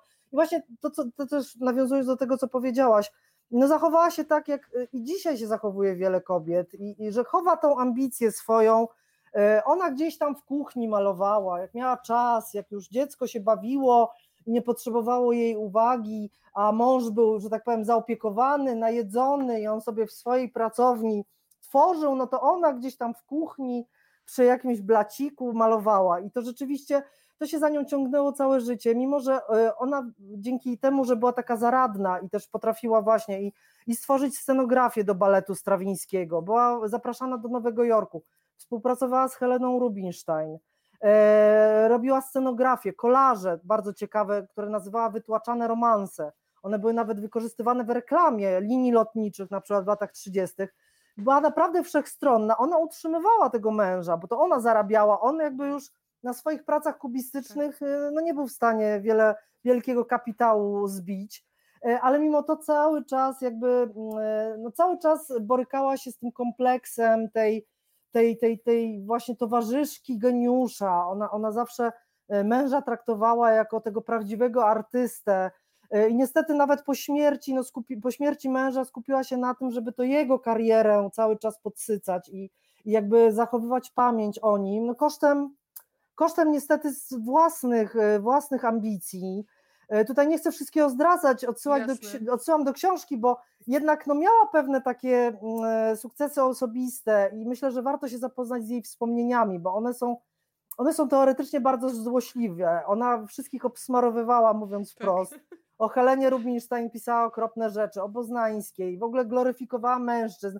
To jest też symptomatyczne, że ona własne wspomnienia zilustrowała pracami męża. męża no to jakby, tak. prawda, mówi to samo za siebie. E, ale, ale warto, warto naprawdę sięgnąć głębiej i troszeczkę pod podszewkę tych jej słów, bo tam się wyłania taka bardzo A ja no, nieszczęśliwa. Pamiętam, Sylwia, bo o tym, to ona chyba powiedziała to zdanie, że gdzieś pod koniec życia, że trochę żałuje, że za mało była w swoim życiu aktorką, a za no tak, była widzem, tak, prawda? tak, tak, tak, to dokładnie, to jest jej, jej właśnie stwierdzenie, więc przez te jej wspomnienia, mimo że taka skupiona na mężu i na tych właśnie wszystkich słynnych mężczyznach, bo przecież ona znała wszystkich, i Picassa, Modiglianiego, i Apollinera, yy, kobiety, kobiet nie lubiła, obsmarowała Chanel i wszystkie inne, no ale, ale jednak yy, tam, bar, tam yy, zdecydowanie z kart tych wspomnień pobrzmiewa taka ogromna gorycz i takie właśnie poczucie, że, że trzeba było bardziej o siebie zawalczyć, trzeba było no trzeba było postawić na siebie po prostu i, i no, no, bardzo szkoda, że tego nie zrobiła, natomiast no, ja tylko po, może pokażę Państwu, tutaj mam taki album piękny, pokażę dosłownie chwilkę, o, to jest portret, który ona namalowała, to jest Markusi w pracowni, no siebie nie malowała, tylko właśnie Markusi w pracowni, mąż, ale, ale naprawdę no, malowała bardzo ciekawie, tu jest jakaś martwa natura jej, już nie kubistyczna, ale tu na przykład jest właśnie obraz kubistyczny. No on naprawdę nie odbiega poziomem od, od tego, co proponowali inni kubiści. Juan Gris, czy, czy, czy, czy właśnie czy Brak, czy, no, czy właśnie ten jej mąż, Marcusi. No ale życie potoczyło się tak, a nie inaczej. Taka przestroga i nauka dla, dla nas, dla kobiet współczesnych, tak jak powiedziałaś, Zresztą ja też byłam wielokrotnie świadkiem tego, że po prostu ambicje u kobiet nie są dobrze widziane. Na przykład w kręgach rodzinnych, nie mówię o tej najbliższej rodzinie, bo bez wsparcia partnera to w zasadzie niewiele się może udać, ale, ale często jest tak, że, że y, kobiety się wstydzą swoich ambicji i o tym się nie mówi przy, przy stole rodzinnym na niedzielnym obiadku tylko się mówi o tym, o, właśnie o tym, że, że najważniejsza jest rodzina, dzieci i tak dalej. Ja nie mówię, że nie chcę deprecjonować macierzyństwa, tak. czy, czy sama mam trójkę dzieci, ale, ale chowa się ambicje, no to tak, no chowa się je w takie miejsca niewidzialne i się udaje, że, że ich nie ma, a one jednak gdzieś tak. są i cały czas yy, nurtują. E, w tym badaniu, o którym wspominałam, e, Polki 2021, było takie pytanie najważniejsze wartości. Faktycznie na pierwszym miejscu była rodzina, ale już 40% kobiet deklarowało, że kariera jest dla nich równie ważna. Oczywiście w sytuacji wyboru tak. najpewniej wybierają tak. rodzinę, ale jednak już przynajmniej są w stanie to wyartykułować, chociaż no, ten też rozstrzał pomiędzy tym, co deklarujemy, a co robimy, też y, był spory. Bardzo bym chciała, żeby w naszej opowieści pojawiła się Aniela. Muszę Ci powiedzieć, że przy tym rozdziale mhm. najwięcej się wściekałam. Wściekałam się oczywiście nie na Aniele, ale na pewnego pana, manipulanta, no po prostu potwora, bo pomyślałam sobie, że to jest niesamowite, że my kobiety, nawet taka Aniela, która przecież była silna, niezależna, potrafiła walczyć o swoje w sensie artystycznym, nagle kiedy no, trafia ją strzała mora i to jest kompletnie ślepa miłość, to ona w ogóle nie zauważa, co ten mężczyzna z nią robi. Najpierw pokaże tak. Państwu Anielę, córkę Stangreta, to też jest bardzo ważne, która tak, tak naprawdę tak, dzięki... jakby społecznych. Tak. Ja, w jaki sposób ona w ogóle się, powiedz Sylwia, dostała do Paryża? No bo rodzice, jej rodzina nie mogła na pewno opłacić takich nie, studiów. Nie. No to jest taka trochę historia kopciuszka, tym bardziej ten przebieg jej kariery i finał jej życia jest gorzki, bo ona naprawdę dostała ogromną szansę od losu. E, no w realiach XIX-wiecznych, e, no jeżeli kobieta nie pochodziła przynajmniej z zamożnej rodziny mieszczańskiej, no absolutnie nie miała szans na jakieś wykształcenie, a rzeczywiście Aniela miała ogromne szczęście, bo jej ojciec był stangretem e, w rodzinie, w rodzinie państwa mm, Pawlikowskich, to oni byli nazywani medycu, medyceuszami z medyki. No to już mówi samo za siebie, prawda? Oni, oni po tak. prostu to byli ludzie wyjątkowi absolutnie którzy, którzy wspierali talenty właśnie w taki sposób bardzo demokratyczny. Jeżeli widzieli potencjał e, w córce służącej, to po prostu e, inwestowali w nią pieniądze, chcieli wyedukować i, tak, i to spotkało Anielę. Szybko zauważono, że ona ma talent do rysunków i po prostu Pawlikowscy zaczęli, wzięli ją, mówiąc wprost, do, do, do, do siebie, do domu, do, do dworu, E, i zaczęli ją edukować. E, oczywiście otrzymała taką odpowiednią garderobę, pokoik, no była traktowana przez nich jak córka i zdobyła wykształcenie, no jak na, na koniec XIX wieku naprawdę no wymarzone, bo, bo e, mogła zostać guwernantką, czyli, czyli kształciła się w Krakowie, no była świetnie, świetnie wyedukowana, znała języki, uczyła się grać oczywiście na fortepianie, no to cały jakby ten set umiejętności uzyskała, jaki, jaki zapewniał doskonały start młodej kobiecie. No ponieważ takiej świetnie szło, miała prywatne lekcje rysunku, Pawlikowscy stwierdzili, że trzeba pójść za ciosem, no niech Aniela jedzie do Paryża. Wtedy już dochodziły echa właśnie wielkiej kariery Anny Bilińskiej z Paryża, także już wiedziano, że, że rzeczywiście kobieta ma tam szansę pokazania swojego talentu i, i jakby też ten przykład Bilińskiej promieniował, można powiedzieć, i, i, no i ona była wzorem, no taką idolką ówczesną, no młodszych koleżanek, więc Aniela, Aniela chciała pójść w jej ślady, była na pewno zafascynowana Bilińską i rzeczywiście do tego Paryża pojechała też, no proszę sobie wyobrazić, dziewczyna jakby z ludu, z, z Galicji, przyjeżdża sama do Paryża, e, chodzi do szkoły prywatnej, e, stara się właśnie pokazać coś na salonie paryskim. E, dobrze jej szło, w pewnym momencie wróciła do Lwowa, bo tam już zakończyła w Paryżu edukację i miała taki zamiar, żeby w Lwowie otworzyć no, taką profesjonalną pracownię, czyli po prostu utrzymywać się z, z robienia portretów, pokazywać swoje prace na wystawach. I rzeczywiście jej obrazy były zauważone na krakowskim, mimo że była kobietą, no to jednak e, ona, Boznańska, Dulębianka, e, Bilińska, no to, to, to znaczy Boznańska była jeszcze młodziutka, ale, ale gdzieś tam już się przewijała, e, została zauważona, no, no ale wtedy właśnie to się stało, pojawił się ten pan, o którym wspomniałaś, Aniela była taką wielką admiratorką sztuki, to znaczy to też trzeba właśnie patrzeć na te realia, bo to był fin de siècle, koniec wieku, czyli te klimaty młodopolskie, też to takie traktowanie sztuki jako, jako takiego wtajemniczenia, w, w, czyli e, takiej sfery e, no, pomiędzy, pomiędzy duchem a materią. E, wtedy artysta był traktowany jako taki właśnie demiurg, no, meteor, jakiś, jakiś no, człowiek, który, który posiada wyjątkowe właściwości i potrafi tłumaczyć świat tym, tym tym maluczkim, którzy, którzy nie rozumieją pewnych boskich znaków. No i właśnie taki był Stanisław Przybyszewski, to trzeba powiedzieć, że to była gwiazda pierwszej wielkości. Dzisiaj nawet nie ma, nie ma takiego pana e, w polskiej literaturze, nie chcę ni żadnego obrazić, ale to tak. była po prostu gwiazda takiego kalibru. E, celebryta literacki, jeżeli taką kategorię możemy tak, stworzyć. Tak, tak, tak. On przyjechał e, z Berlina do Krakowa, tam objął redakcję czasu krakowskiego no to była postać, o której po prostu już krążyły legendy, mówiono na niego mag. E, on, on też e, oczywiście otaczał, roztaczał wokół siebie taką aurę e, osoby, osoby takiej wtajemniczonej, właśnie interesował się kabałą, spirytyzmem, no wiedział więcej głównie za sprawą alkoholu, który przyswajał no w jakichś kosmicznych ilościach. Poszerzał sobie świadomość w ten sposób. Bardzo poszerzał, natomiast rzeczywiście Aniela wychowana była w takim duchu miłości do sztuki. Ona po prostu rzeczywiście e, no, no, żyła sztuką i, i traktowała ją bardzo serio i jakby tutaj nie oddzielała e, tej sfery artystycznej od, od, od, od takiej stricte ludzkiej. No po prostu dla niej Przybyszewski to był niemalże Bóg. No Bóg literatury, ale, ale jednocześnie Bóg po prostu mężczyzna. I rzeczywiście no, wpadła, można powiedzieć, jak, jak e, śliwka w kompot, przepraszam za wyrażenie, no bo Przybyszewski w, w momencie, kiedy poznaje Anielę, e, jest w bardzo skomplikowanej sytuacji finansowej, zresztą on zawsze miał problemy z pieniędzmi, zawsze mu brakowało tych pieniędzy, e, ale tak, ma żonę, piękną skandynawkę Dagny, z którą ma dwójkę dzieci, jego żona mieszka w Krakowie, taka też trochę niespełniona pianistka, ale taka kobieta, która w zasadzie uosabiała uosabiała ideał kobiety młodej Polski, taka rzeczywiście oniryczna, e, oniryczna, mm, poetycka e, artystka. E, no i te, te relacje z Dagny były takie sobie, kiedy on poznał Anielę, ale on się w Anieli wcale nie zakochał, on się zakochał w żonie swojego przyjaciela Jana Kasprowicza. E, I, I, właśnie Żal Jadwiga... mi było tego Jana bardzo, Ach, wiesz, biedny, pomyślałam biedny, sobie, że tak, faktycznie poczciwy. on musiał być taki zmierzczony, bo on taki pocz, tak, poczciwiec taki. No. Poczciwina. No.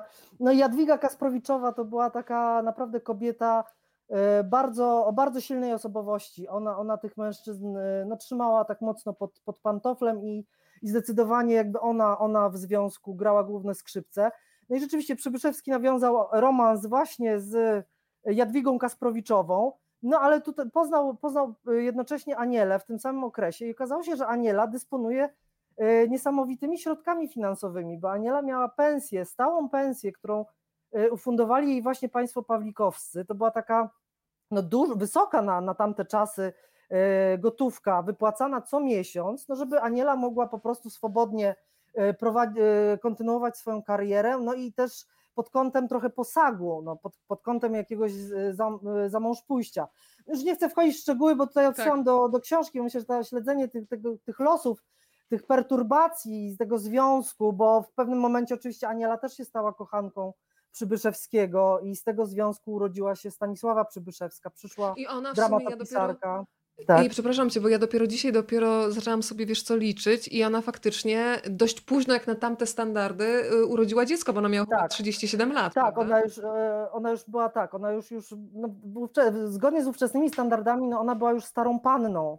Tak. E, oczywiście, no tak to wtedy postrzegano, ale, ale, e, ale rzeczywiście, no może też dlatego po prostu tak bardzo, tak bardzo e, wsiąkła, przepraszam za wyrażenie, w to macierzyństwo, bo rzeczywiście w tamtych czasach e, urodzenie dziecka e, spoza małżeństwa no było takim no, drastycznym napiętnowaniem. No, nie ma się co oszukiwać. Kiedy takie dzieci się rodziły, najczęściej były oddawane gdzieś na wieś do znajomych. Udawało się, że to po prostu to dziecko zniknęło, że go nie ma. Natomiast Aniela była inna. Ona, ona, e, ona była bardzo zaangażowana w macierzyństwo. Kochała Stanisławę no, nie- niewiarygodną miłością, y, taką też mądrą miłością, bo rzeczywiście starała się tej córce dać wszystko. Y, Córka nie miała kontaktu z ojcem, była, była właśnie tym dzieckiem no, spoza, spoza legalnego związku, co już ją jakby na starcie w pewien sposób jakby niweczyło też jej, jej różne towarzyskie możliwości społeczne, ale Aniela była wyjątkową matką, o czym Stanisława później wielokrotnie wspominała, natomiast y, to zaangażowanie w macierzyństwo sprawiło, że, że ona po prostu spotkała się z ogromnym ostracyzmem w Lwowie, gdzie, gdzie, gdzie pracowała, no po prostu panna z dzieckiem nie mogła obrazu pokazać na wystawie, bo to było tak niemoralne, żeby taka osoba, tak, tak źle prowadząca się jeszcze, jeszcze y, swoją twórczość Obrazy propagowała, tak. to w ogóle, więc ona rzeczywiście nie miała żadnych zleceń, nie, y, nie przyjmowano jej obrazów na wystawy, no żyła z tej pensji, y, którą, którą ufundowali jej Pawlikowscy, a tymczasem Stanisław cały czas jakby korzystał, korzystał, on się musiał leczyć, on był zawsze chory, on miał długi, y, Taki miał, miał problemy. I ta Aniela zawsze, zawsze mu te pieniądze wysyłała, często kosztem jakby swoich, y, swoich potrzeb, bo sama też miała problemy ze zdrowiem, natomiast wysyłała rzeczywiście Przybyszewskiemu, żeby on mógł się kurować, y, mógł się leczyć, swoje, mógł leczyć swoje chore płuca, a ona też była chora. No niestety tak to wygląda jakby z zewnątrz, kiedy się patrzy na ten związek, no to myślimy, Boże, jak ta kobieta mogła być tak naiwna, ale z drugiej strony mm, e, może też dlatego ta jej historia jest taka ciekawa, bo ona jest jednak bardziej złożona. E, Aniela Pająkówna miała świadomość tego, że Przybyszewski e, jakby niczego nie oferuje w zamian, bierze tylko pieniądze, w ogóle nie uczestniczy w życiu dziecka, nawet będąc w Paryżu, kiedy już, kiedy już Aniela się przeprowadziła z Lwowa z córką, bo nie mogła wytrzymać tego ostracyzmu, wróciła do Paryża, E, Przybyszewski odwiedzając Paryż w ogóle, w ogóle jakby się nie zainteresował ani dzieckiem, ani nią. E, To było dla niej bardzo gorzkie. Natomiast on, ona odmawiała bycia ofiarą. Ona pisała wprost i mówiła to córce, że ona się nie czuje jako ofiara. Ona, ona e, wiedziała, jak, kim jest Przybyszewskim. Dla niej on był bogiem literatury i ona tak naprawdę inwestując pieniądze, ona inwestowała w sztukę. Ona, ona to tak traktowała, że to był jej wkład osobisty w, w sztukę wysoką, którą ona e, ona, w którą ona szczerze wierzyła i jakby e, troszeczkę Wiesz co, ja też, się... jej, ja też jej, wiesz co, w żaden sposób nie oceniam, bo myślę, że każda Tak. z nas, jak tutaj jesteśmy, sporo pani z nami, pewnie przypomni sobie takie momenty, kiedy... y, no, analizując jakieś przeszłe związki, rzecz jasna, Tak, bo wierzę tak. i życzę wszystkim, żebyśmy były teraz w dobrych związkach, ale też czasami się zastanawiam i dziękuję, że tam na górze ktoś czuwał, że nie wpakowałam się w takie, a nie inne maliny, bo dopiero z perspektywy czasami faktycznie pewne rzeczy widać, a ona była, no, po prostu była zakochana, no. Tak, no i ciągle liczyła, ciągle czekała, że jednak on, y, on po prostu jakby doceni y, to, co ona ma mu do zaoferowania. Zainteresuje się córką, którą, którą rzeczywiście edukowała od najmłodszych lat i ta Stasia była od dzieciństwa bardzo taka rezolutna, wspaniale pisała po francusku, wierszyki składała i tak dalej, więc Aniela cały czas czekała, że Przybyszewski zobaczy, że ma tak cudowną córkę. Y, I, I jakby czeka na niego wspaniała kobieta, podczas gdy Jadwiga Kasprowiczowa mu tam naprawdę zgotowała piekło, prawdziwe, prawdziwe piekło, bo w końcu została jego żoną. wiesz? Tak, Zasłużone. I, I rzeczywiście bardzo cierpiał w tym, w tym swoim kolejnym małżeństwie z Jadwigą. Y, No a Aniela czekała, czekała do pewnego momentu oczywiście, no a później, później była bardzo chora i rzeczywiście to życie w Paryżu, ona też mieszkała na Montparnasse, Natomiast y, no, naprawdę to były dylematy takie, czy kupić płótno na obraz, czy nakarmić córkę, no po prostu, więc to życie mhm. było bardzo ciężkie. E, jakby wszystkie środki e, ona, ona e, dedykowała, po prostu starała się zapewnić edukację córce i, i jakby kosztem swojej pracy artystycznej. Cały czas malowała, ale, ale to już nie był ten poziom, ona nie miała tego zdrowia i w końcu po prostu można powiedzieć, że realia ją, y, no ją pokonały i, tak. i już z kolejnej choroby płuc nie, nie, nie wyszła. Została pochowana w zbiorowej mogile. Też jest no, strasznie, strasznie smutne. smutne. Zresztą dopiero niedawno, w zeszłym roku, to dzięki tutaj e, pomocy i takiej pasji researcherskiej, tutaj kolegi po piórze pisarza Roberta Kowalskiego, Robert ustalił w ogóle miejsce pochówku y, Anieli, bo ono w ogóle nie było znane. To była zbiorowa mogiła. Się okazało, że to był cmentarz w Banie pod, pod Paryżem. Znaczy w tej chwili to już jest, to już jest Paryż, ale wtedy to, był, y, to, to były okolice podparyskie. Bardzo gorzka historia, ale, ale no myślę, że fascynująca. Też chciałam troszeczkę przybliżyć Anielę właśnie jako artystkę, żeby już przestała być tylko tą kochanką Przybyszewskiego tak. albo matką y, Stanisławy, dramatopisarki, bo o Stanisławie coraz, ostatnio też coraz więcej słychać, wiem, że jest przygotowywana jakaś biografia, ale Aniela za, zasługuje na to, żeby, żeby popatrzeć na nią jak na artystkę. No niestety wiele jej prac spłonęło w Powstaniu Warszawskim, to jest ten wielki ból, że wiele obrazów po prostu się nie zachowało do dzisiejszych czasów, ale troszeczkę jest, więc, więc mam nadzieję, że będzie możliwość obejrzenia ich w niedługim czasie. Sylwia, te twoje bohaterki są takie kruchosilne, bo jest w nich i siła, mhm. i słabość. Są Tak. te rysy, są takie momenty nieoczekiwane, których, by, których byśmy się po nich nie spodziewali. Ja jeszcze na chwilę tylko wrócę do tego e, Stanisława Przybyszewskiego, którego naprawdę bardzo nie lubię po tej książce, e, bo on się non-stop ścieli u stóp, pisze do niej listy, kiedy się w zasadzie przymila jak do tego bankomatu chodzącego wręcz, ale potrafi być na tyle bezczelny, że kiedy mu brakuje pieniędzy na przykład na pobyt żony i dzieci w Zakopanem, to pisze wprost i nawet taka fraza się pojawia w liście, tylko śpiesz się, dziś już na papierosa nawet nie mam. E, ale oczywiście, kiedy ona spełnia jego prośby, to jest naj najdroższą Nelly, słodkim Nelutkiem. E, no a to zdanie to po prostu, ja już to cytowałam w zapowiedzi dzisiejszego spotkania. Widzisz, Anielko, nacierpiałaś się strasznie przeze mnie, ale pomyśl, byłabyś zwiędła, sama jedna zeszła, przyszedłem i dałem ci dziecko. Prawda? E, więc nawet ta, dar, dar, po dar wybawca, maga. zbawca, po prostu mak, faktycznie. Więc no. to, że pani Kasprowiczowa zgotowała mu piekło, to myślę, że akurat to było zasłużone. Tak, tak, Bardzo... zapłacił, zapłacił. Tak. Więc tutaj taka, widzisz, solidarność kobieca w bardzo okrętny sposób, ale jednak y, zadziałała. To tak. powiedzmy tak. jeszcze kilka słów o Meli Muter. Powiem ci, że myślę, że Mela Muter też dzisiaj y, może być bliska bardzo wielu kobietom, szczególnie tym, które w tej naszej instagramowej rzeczywistości mają codziennie takie wrażenie, że no nie doskakują do poprzeczki, która jest bardzo tak. wysoko zawieszona. Ja przyznaję, że kiedy widzę na Instagramie kobiety, które po kilka dni po urodzeniu dziecka wracają do pracy, są już w szpilkach, świetnie tak. zrobione, tak. dom jest czysty. Brzuch.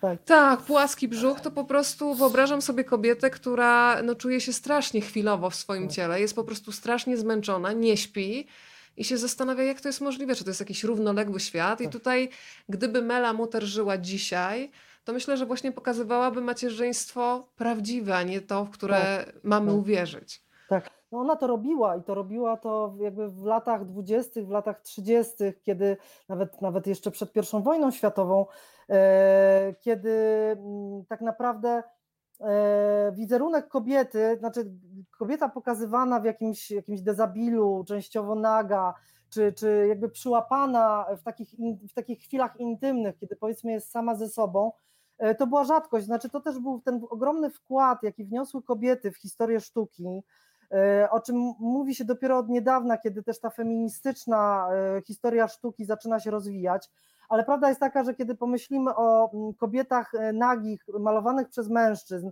one są oczywiście przepiękne, to są te wszystkie piękne Wenus, jakieś, jakieś starożytne, e, starożytne e, księżniczki, czy, czy, czy cudowne, cudowne modelki, Natomiast one były wszystkie przedstawiane jako obiekty seksualne, no bo no, no jednak ta projekcja, no oko mężczyzny widzi, widzi w kobiecie jednak obiekt seksualny i, i, i, też pokazuje jej ciało w określony sposób. Natomiast to, co zrobiły właśnie kobiety malarki na początku XX wieku, one zaczęły malować kobiety no patrząc na, na ciało kobiece zupełnie inaczej, wtedy też ta świadomość kobiecego ciała bardzo zaczęła się rozwijać e, i, i kobiety pokazały prawdę, to znaczy e, przestały właśnie e, to ciało z jednej strony upiększać w sztuczny sposób, jakoś, jakoś przedstawiać jako jakiś męski fantazmat, z drugiej strony, z drugiej strony były tak odważne, że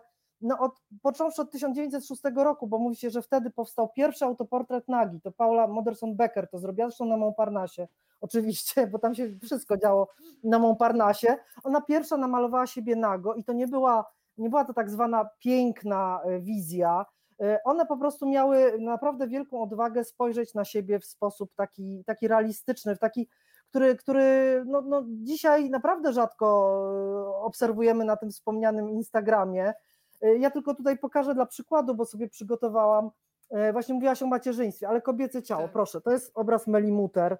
Państwo tego dobrze nie zobaczycie, no bo no nie ma takiej możliwości, ale no proszę zobaczyć, jak jest pokazane to ciało. E, to było lata dwudzieste, dzisiaj mówimy o ciało pozytywności. Naprawdę zalecam, zachęcam do popatrzenia na obrazy Muter. To jest ciało pozytywność jakby totalna, absolutna i malowała kobiety z taką wielką mm, empatią, czułością. Spójrzmy na, no tutaj może niewiele widać, ale może troszeczkę chociaż. Jak wygląda ta pani, y, to jest obraz macierzyństwa. Y, Ona jest no, udręczona, no, po prostu jest zmęczona. Tak. Mhm. To jest drastyczny obraz y, macierzyństwa, ale Mela Muter się tego nie bała. Zresztą w ogóle mo motyw macierzyństwa był takim wiodącym motywem, który ona przez całe życie praktycznie pokazywała. Sama była matką, y, miała syna, który, który no zmarł y, w młodym wieku, znaczy był młodym mężczyzną, zmarł w takich niewyjaśnionych, tragicznych okolicznościach. Tutaj oczywiście odsyłam do książki, ale no nie wiadomo tak naprawdę dlaczego. Natomiast rzeczywiście ten y, Mela Muter jako, też jako matka potrafiła pokazać całą złożoność macierzyństwa i też to, że to, to, to, to jest bardzo skomplikowana relacja, która wiąże kobietę z dzieckiem, ale E, w ogóle kobieta jako matka e, to, to, to nie jest jakby, nie jest kimś, kogo otacza e, jakaś aura idylii, to nie jest, to nie jest matka z dzieciątkiem, to, to, to nie jest po prostu bajka. Potrafiła naprawdę w bardzo, bardzo realistyczny i bardzo mocny sposób pokazać wszystkie odcienie macierzyństwa i ogromną czułość, i takie potworne zmęczenie, E, i też taką rezygnację, bo bardzo często na twarzach tych modelek, takich bezimiennych, to też trzeba tak. zaznaczyć, że to nie są kobiety, to nie są portrety pani X, tylko to, to tymi modelkami były często jakieś e, służące, e, jakieś kobiety, które po prostu Mela Muter spotykała na swojej drodze, ona często podróżowała, więc po prostu tam szukała, szukała modeli w, w jakichś zajazdach, w których się zatrzymywała, czy w, były kelnerki, jakieś kucharki, i rzeczywiście y, potrafiła przekazać coś, coś niezwykle istotnego. Y, dla mnie te obrazy są bardzo nowoczesne i kiedy dzisiaj na nie patrzę, ja naprawdę odnajduję, odnajduję tą szczerość i tą, tą taką właśnie to podejście takie empatyczne, to, którego dzisiaj, którym dzisiaj dużo mówimy, że my kobiety powinniśmy, powinniśmy być dla siebie jednak troszeczkę mniej surowe, prawda? Powinniśmy się wspierać i, E, i, i raczej i zdecydowanie pomagać, nie, nie konkurować, nie rywalizować, e, a już broń Boże o mężczyznę, bo to jest jednak dla nas e, nieco uwłaczające, ale, ale, ale to, to, to posiostrzenie, siostrzeństwo, to się dzisiaj różnie o tym mówi. Ja to odnajduję w obrazach Meli Muter i tą ogromną empatię, którą ona miała dla osób pokrzywdzonych, chorych. Tak ładnie właśnie powiedziałaś we wstępie w tym nagraniu dzisiejszym, że E, no ona, ona naprawdę miała niezwykłą, niezwykle umiała pokazać osoby, które no, żyły na marginesie i które nie interesowały malarzy otrzymujących intratne zlecenia, a trzeba powiedzieć, że Mala Muter była w pewnym okresie e, czasu, w latach dwudziestych była bardzo wziętą portrecistką, naprawdę sławną. E, wśród takich intelektualnych, prawda? Tak, paryskich, wśród e, kompozytorów, między innymi malowała Ravela, pisarzy, polityków przeróżnych, ambasadorów, profesorów, więc ona naprawdę była jakby kolejka tych prominentnych mężczyzn z tak zwanymi nazwiskami była bardzo długa, ale Mela Mutter oprócz malowania portretów tych, tych, tych, tych takich mężczyzn, o, o, którzy, którzy coś znaczyli powiedzmy na, na arenie jakiejś no, na, w paryskiej scenie intelektualnej, ona zawsze malowała właśnie też tych ludzi, no, którym nie poświęcano specjalnie uwagi, takich chorych, biednych, żebraków, uwielbiała żebraków malować. Zawsze znajdowała jakąś więź z tymi, z tymi pokrzywdzonymi i tak było do końca życia. Ona była bardzo wierna swoim, swoim takim no, socjalistycznym jednak ideałom do końca, a żyła 91 lat. Tak, bardzo długowieczna osoba. Wiesz co, teraz sobie też pomyślałam o tym, e, piszesz zresztą o tym bardzo dokładnie w książce, że jej współcześni postrzegali ją jako piękną e, kobietę, bo faktycznie taka była. Tak. I jakoś nie mieściło im się w głowie, że ktoś tak piękny może być zainteresowany właśnie ludźmi z takim pokiereszowanym życiorysem. Tak. I to Tak, było no, dla mnie wyjątkowe, że jak ona jakby dawała godność tym ludziom, którzy się pojawiali na obrazach, tak jakby chciała powiedzieć, że każdy ma ciekawą historię do opowiedzenia i Tak. żeby wyjść poza tę okładkę, poza tę zewnętrzność, tylko zobaczyć, co człowiek ma w środku. I to jest dla mnie naprawdę w Dokładnie, niej wyjątkowe. dokładnie. Tak, i każdy zasługuje na uwagę i na poświęcenie mu, mu obrazu. Natomiast to tak jak mówisz, no rzeczywiście za nią się ciągnęła y, y, przez, przez bardzo wiele lat taka znaczy ciągle się zmagała z takim właśnie, e, z takimi komentarzami typu ale jak może taka piękna kobieta malować tak brzydkie obrazy, bo rzeczywiście to jest jakby zestawienie jej bardzo takiego szczerego, e, często szorstkiego malarstwa, bo ona nikogo nie upiększała, łącznie ze sobą. Kiedy się spojrzy na jej fotografie i na jej autoportrety z lat dwudziestych, no to naprawdę aż trudno się, no trudno to zrozumieć, czemu siebie z taką surowością przedstawiła, bo była bardzo, bardzo piękną kobietą i rzeczywiście ciągle, e, ciągle jakby mm, spotykała się z takim stwierdzeniem i krytyków, ale nawet, e, nawet e, osób, które przychodziły do niej zrobić wywiad, że no jak taka piękna dama, dystyngowana, może malować brzydkich ludzi i, i, i to ją strasznie denerwowało oczywiście, natomiast ten kontrast dla tych patrzących z zewnątrz był tak olbrzymi, że bardzo często w recenzjach wystaw pisano, że że po prostu Mela Muter lubuje się w brzydocie, jakby czyniąc jej z tego zarzut, bo, bo uważano, że, że ona się powinna ograniczyć do, e, no, no do, do, do takiego piękna rozumianego w sposób y, jednak bardzo, sztamp, bardzo tak. dosłowny, bardzo sztampowy, natomiast ona zdecydowanie wykraczała poza, poza te schematy, poza, e, poza ten kanon takiego piękna, y, no, bardzo, bardzo łatwo przyswajalnego, ale, ale ona, ona proponowała malarstwo szczere i, i bardzo prawdziwe, bardzo emocjonalne. Zresztą ona była bardzo taką też ognistą osobą wewnętrznie, miała, miała ogromny temperament, zawsze poszukiwała tego, tego ognia, takiego i to w mężczyznach, i, i, i też jakby w życiu, jakiejś idei, czegoś, co ją po prostu poniesie, w co ona uwierzy i za co będzie walczyć. I, i tacy byli też mężczyźni, których ona kochała, może z wyjątkiem trochę męża niestety. Mąż, mąż niestety ten temperament jego okazał się w zderzeniu z Melą mm, no jednak trochę za, za, za słaby, ale, ale no właśnie jej partnerzy, czy, czy, czy Staw, Leopold Staw, poeta, czy Raymond Lefebvre, to był, to był taki polityk, y, no wówczas komunistyczny, bardzo, bardzo taki ognisty mężczyzna, który, który zginął tragicznie. E, no to, to są ciekawe, no i jej też e, historia, no to nie był romans, ale, ale wielka taka założyłość z poetą Rainerem Marią Rilke, to, to, to były też, e, no to jakby świadczy o, o, o jej, o tym jak, jaką była osobą, absolutnie niezwykłą jak dla mnie. Dla mnie też. Pani Ada pyta, mm, czy będzie szansa na spotkanie autorskie i tym samym szansa na autograf. To od razu możemy zaprosić na Big Book Festival, bo też się spotkamy tak. 26 Będziemy, czerwca. Tak. Więc okay. proszę śledzić stronę y, Big Book Festiwalu, tam wszelkie szczegóły. Ja też y, zdradzę, że planujemy z Sylwią sierpień w y, Ogrodzie Broniewskiego, więc będzie szansa, jeżeli ktoś oczywiście będzie wtedy w Warszawie. Tak. Kolejne pytania oczywiście są jak najbardziej mile widziane. Ja jeszcze powiem Państwu, że ja dzisiaj też dla Państwa będę miała książkę i nawet dzisiaj po raz pierwszy przy okazji spotkania z Sylwią odpalimy taką magiczną maszynę losującą i teraz wszyscy, którzy mają ochotę wziąć udział w konkursie, w komentarzach są proszeni o to, żeby napisali hashtag Montparnasse. Od razu Państwu pokazuję, jeżeli ktoś na co dzień o, widzę, że tutaj nawet mam e, asystenta, który jest za ścianą, który mi tu sam wszystko uruchamia, więc jeżeli ktoś ma ochotę wziąć udział w konkursie, to poproszę o taki wpis Montparnasse, oczywiście znak hashtagu wcześniej i pod koniec naszego spotkania uruchomimy maszynę losującą i spośród tych, którzy taki wpis tutaj zamieszczą w komentarzach, zostanie wylosowana książka, więc jeżeli ktoś z Państwa chce dać losowi szansę, to proszę e, wpisywać. A ja teraz bym chciała się jeszcze na chwilę przenieść w sensie takim dosłownym mm, do willi Meli Muter, bo mhm. e, w ogóle już sama elewacja, to, to, to w jaki sposób ona wyglądała, była niezwykła. Pokażę Państwu na zdjęciu, żeby tak za bardzo nie uruchamiać tylko i wyłącznie wyobraźni.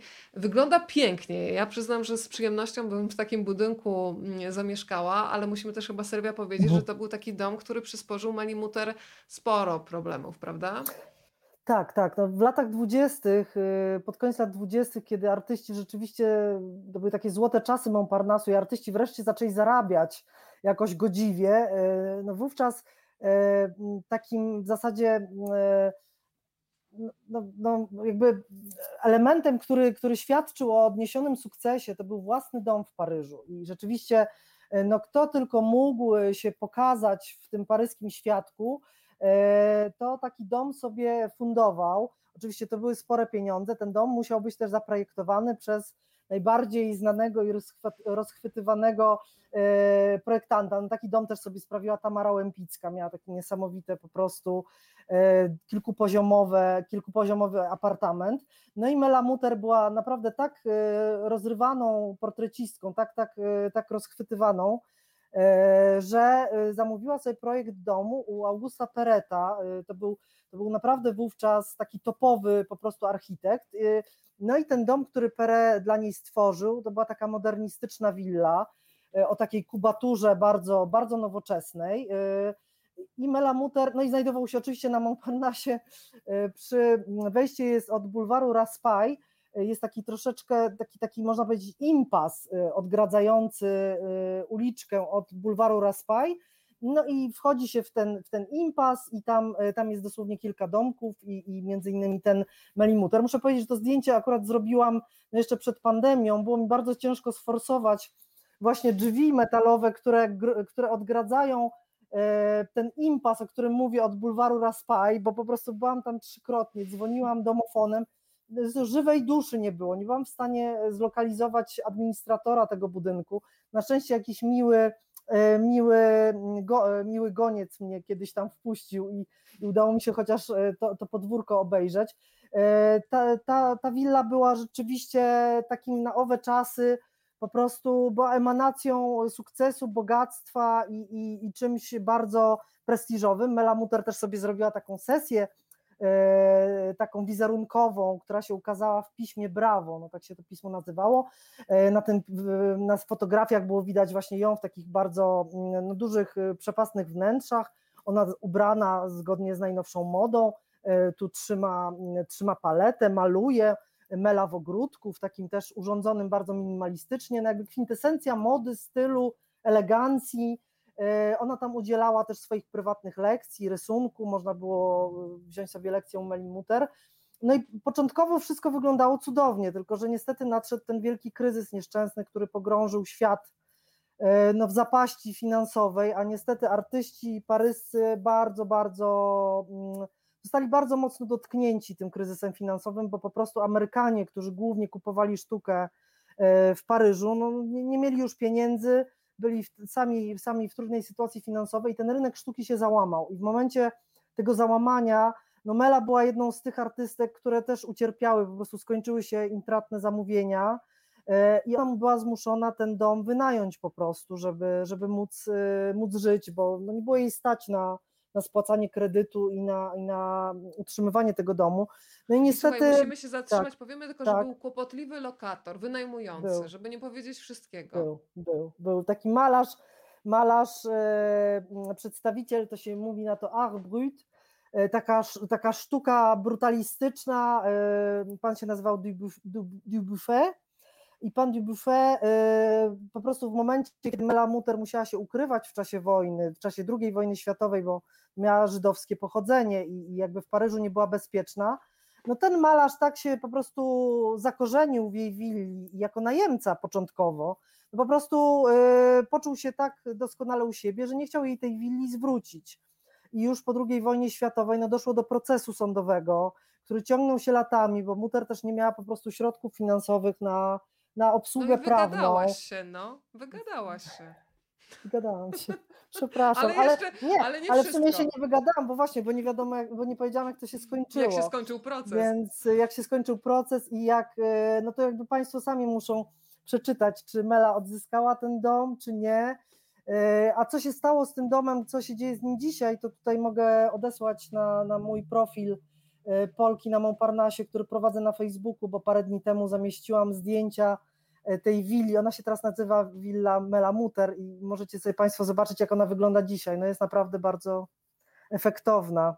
Szkoda, że państwo polskie y, nie chce kupić na przykład tej willi i urządzić muzeum École de Paris. Byłoby cudownie, prawda? Wiesz, była kobietą. A wiesz, jaki jest pogląd e, współczesnego rządu na pozycję kobiet? Też nie powinny No się za właśnie. bardzo wychylać, tak?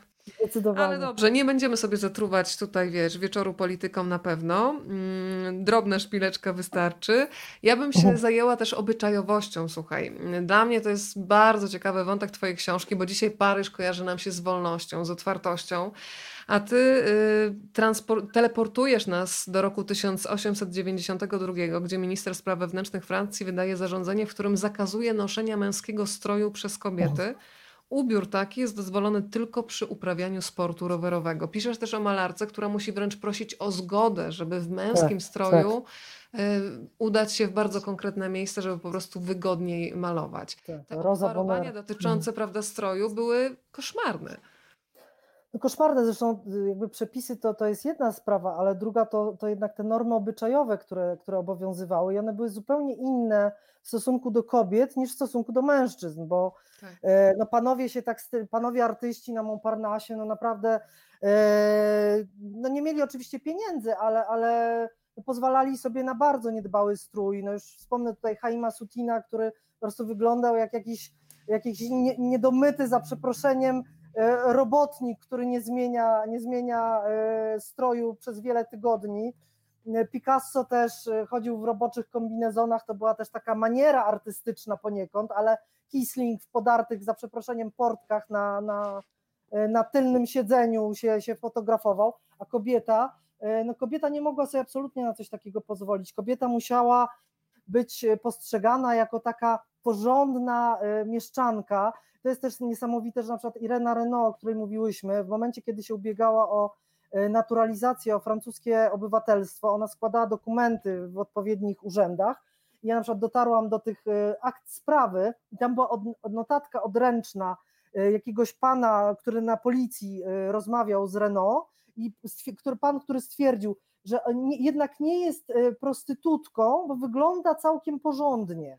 Czyli jakby kiedy przychodziła artystka, która no zarabiała niewiele, bo rzeczywiście one musiały tam swoje też dochody ujawnić, e, akurat wtedy Renault e, borykała się z problemami finansowymi, więc jakby samotna kobieta, bo Renault nie była mężatką, no jakby była klasyfikowana jako taka pani współświadka, no jakaś Mhm. utrzymanka, no taka moralnie podejrzana, no ale to, że przyszła ubrana, y, jak to się ten pan wyraził, porządnie, no to ją od razu jakby już y, klasyfikowało jako tą taką, y, także strój we Francji zawsze był bardzo ważny, mówi się, no znaczy do dzisiaj jest, jest bardzo kluczowy y, i, i, i w, w różnych zawodach oczywiście są pewne, pewne kanony, które trzeba spełniać, natomiast no, mogę też po- powiedzieć o Kiki de Montparnasse, taka wielka gwiazda, mo- modelka słynna, która była uznana za królową Montparnassu w latach dwudziestych, ona w swoich pamiętnikach wspominała, że nie mogła wejść do kawiarni bez kapelusza. Bardzo cierpiała, strasznie chciała wejść do kawiarni, yy, to był 1920 rok. Bardzo chciała być z kolegami malarzami, bo tam siedzieli jej po prostu znajomi, którym ona pozowała do portretów. Natomiast ona nie mogła wejść, nie miała kapelusza, bo jej nie było na to stać. I dopiero jakaś koleżanka pożyczyła jej swój taki jakiś dziwaczny kapelusz i dopiero wtedy szczęśliwa Kiki de Montparnasse mogła po prostu wejść do środka. No to, są, to są rzeczy niesłychane, ale rzeczywiście kobieta po prostu musiała się bardzo pilnować, bo jeżeli na przykład nadużywała alkoholu, co w przypadku panów no było normalne, tak, oni się tam pili naprawdę no, dzień w dzień i, i wielu też jakby zatraciło się w, w tym nałogu, ale, ale e, wielu piło, natomiast kobieta sobie absolutnie nie mogła na to pozwolić, nawet to przesiadywanie w kawiarni, takie typowe dla artystów, to, to, to też jakby e, no, trzeba było to e, robić bardzo ostrożnie, czyli, czyli być w odpowiednim towarzystwie, nie pozwalać sobie na, na właśnie niedbały strój, nie, nie folgować z alkoholem, bo to od razu naznaczało kobietę jako taką frywolną trzpiotkę i nie traktowano ich po prostu poważnie jako artystki, a one chciały być bardzo mocno, znaczy ich głównym celem to było to, żeby ktoś je, żeby w ogóle świat traktował je jako prawdziwe artystki. Musiały no, przez to, przez to no, prowadzić też życie dużo takie bardziej mm, stonowane i takie jednak e, grzeczniejsze niż panowie. Oczywiście dopóki nie pojawiła się Tamara Łępicka, bo ona trochę namieszała, ale... Oj, namieszała, ona się też pojawia. To drodzy Państwo, przerwa teraz na losowanie. Zobaczymy, czy nasza maszyna losująca wystartuje. Widzę, że 55 osób zdecydowało się dać losowi szansę. Pozostali się zagapili, bo jest tutaj z nami znacznie więcej, ale ci, którzy zareagowali, bardzo proszę, widzę, że jeszcze niektórzy tutaj ostatniej, z ostatniej szansy korzystają, więc słuchajcie, jeszcze 30 sekund dla spóźnialskich, kto ma ochotę wziąć udział w e, losowaniu, wpisujemy hashtag Montparnasse, o widzę, że kolejne osoby również jeszcze z YouTube'a tutaj dołączają, a ja teraz Sylwia, zanim uruchomimy maszynę losującą, e, powiem, że za chwilę skupimy się na tobie, bo przez karty twojej książki przemykają mężczyźni. Ja się na chwilę zatrzymałam przy Polu Gauguin, E, który porzucił przecież pracę. E, w zasadzie powinnam chyba odmienić. Powiedz mi teraz, czy po francusku, jak teraz to odmienić? Znaczy on był, pan, on był, E, go, no, Gogena, nie no, tak, tak, tak, Gogen, możemy go odmieniać, tak. tak, tak, jakby w polskim języku to jest już e, ugruntowane, mm, tak. Prawda? Więc tak. zatrzymałam się przy nim, ponieważ on porzucił pracę bankiera i zajął się malarstwem.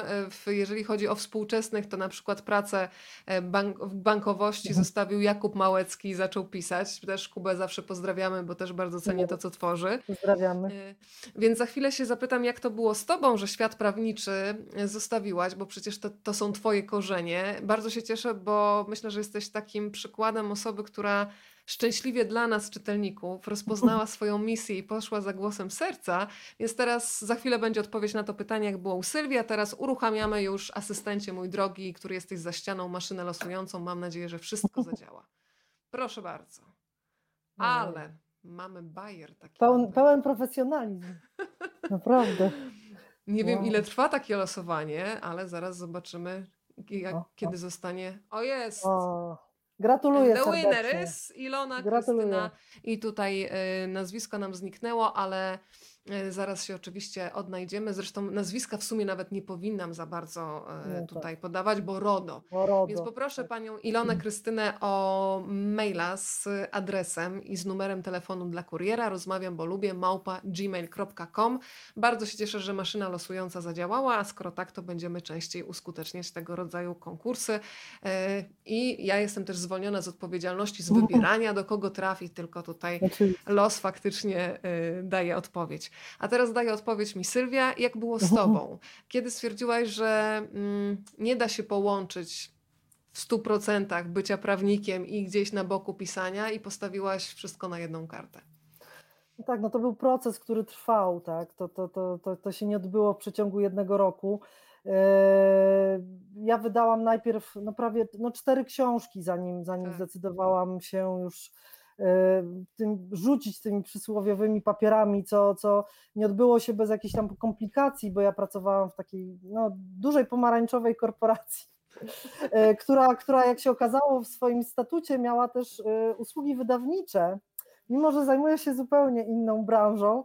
I okazało się, że kiedy pracodawca się dowiedział, że ja chcę odejść i chciałam też skorzystać z takiego programu no, zwol, zwolnień dobrowolnych, no, no to się okazało, że mogę zostać wyrzucona, bo po prostu napisałam książki bez zgody pracodawcy. Więc to była taka dosyć e, tak. karkołomna przygoda z HR-em, która trwała i, i generalnie no, no było z tym naprawdę sporo, sporo problemów i też dla mnie takich trochę ambicjonalnych, bo, bo e, jakby funkcjonowałam w, w środowisku biznesowym i muszę powiedzieć, że no spotkałam się z takim dużym lekceważeniem i takim ostracyzmem, kiedy mówiłam właśnie, że chcę odejść z pracy, bo chcę pisać książki, tak patrzyli na mnie jak na taką Ale albo zobacz, na przygłupią. Czy to się znowu nie powtarza sytuacja, że masz tak, inną tak, tak, ambicję tak, niż wszyscy tak, i tak, od razu jest znaczy zgaśmy znaczy wiadomo, ją, bo ona się odważyła.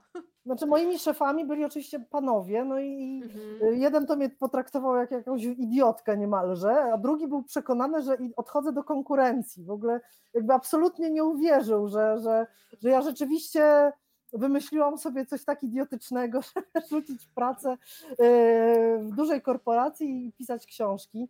E, także pozdrawiam tych panów teraz serdecznie. E, dwóch takich, tak. Jeden jeszcze tam pracuje. W każdym razie wiele osób mi bardzo kibicowało i miałam taki naprawdę duży support ze strony zwłaszcza koleżanek, które, które często im powtarzały, że, że no naprawdę po co ty tu siedzisz i, i oczywiście ja, ja, ja w momencie, kiedy już byłam bardzo zaangażowana w pisanie książek, no też czułam się nie w porządku w pewnym sensie, bo głowę miałam absolutnie już e, zajętą czym innym i, i, i, e, i ta praca już po prostu no, no nie, nie była, nie była aż, aż, nie byłam tak zaangażowana jak powinnam, więc wiedziałam, że, że muszę odejść, bo też chciałam być po prostu uczciwa.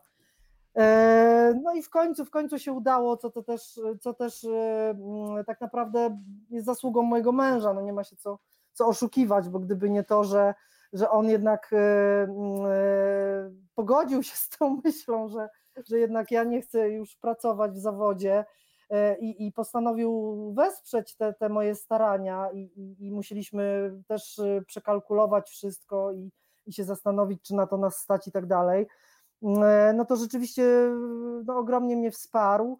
E, I, I, cieszę się, że to zrobiłam, aczkolwiek to wcale nie było proste i, i e, no, okupione wieloma, wieloma bezsennymi nocami. No, tak jak mówiłam, mamy trójkę dzieci, mamy kredyt. To naprawdę nie była łatwa decyzja. Ja trochę sobie mówię... sprawę, ale są za to nagrody i mało tego, że ty dostajesz nagrody, to czytelnicy. Ja ci jestem bardzo wdzięczna za tę decyzję, bo no coraz częściej, kiedy poznaję takie osoby, które mają odwagę przynajmniej spróbować, bo ja uważam, że czasami się nawet może tak. nie udać i warto sobie dać pozwolenie, że zawsze można wrócić do korporacji i nie, tak, że te tak, drzwi nie tak, są raz tak. na zawsze zamknięte, tak. bo też bardzo cenię osoby, które tam pracują i odnajdują się i, i, ta praca jest dla nich satysfakcjonująca, mają potem swój czas poza pracą, ale jeżeli coś nas mocniej pociąga, to ja naprawdę y, tutaj mam wielki szacunek do tych, którzy posłuchali tego głosu, odważyli się, nawet jeżeli się potknęli i wrócili, to u mnie mają tak, co najmniej tak. 10 punktów za to, że spróbowali.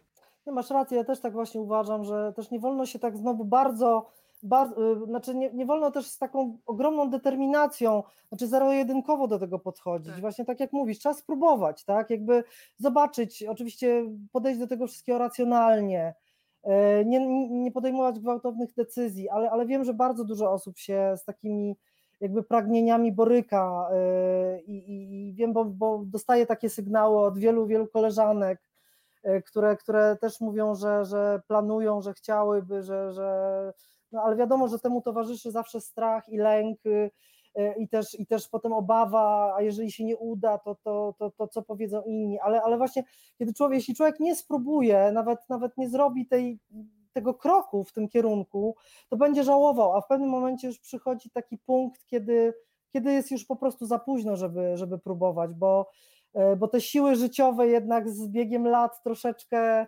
wyparowują i, i człowiek się gmatwa w różne relacje, przychodzą na świat dzieci, czy nawet wnuki, czy, czy nie wiem, trzeba się zaopiekować chorymi rodzicami. E, I życie się tylko komplikuje, nic się nie, nie upraszcza. Więc naprawdę wa warto, jakby jeżeli mogę, mogę tutaj y, kogoś wesprzeć, ktoś jest w takim momencie życiowym, to, to, to trzymam kciuki i, i, i rzeczywiście no jestem za tym, żeby spróbować. Ja też trzymam bardzo mocno kciuki za Państwa i teraz się też uśmiecham, bo sobie pomyślałam, że oczywiście bardzo cenię i bardzo lubiłam swój czas radiowy. Zresztą radio kocham miłością największą, jeżeli chodzi o wszystkie media. Natomiast dałam sobie sprawę teraz, Sylwia, że gdybym była w radiu, to format by nie przewidywał tak długiej rozmowy.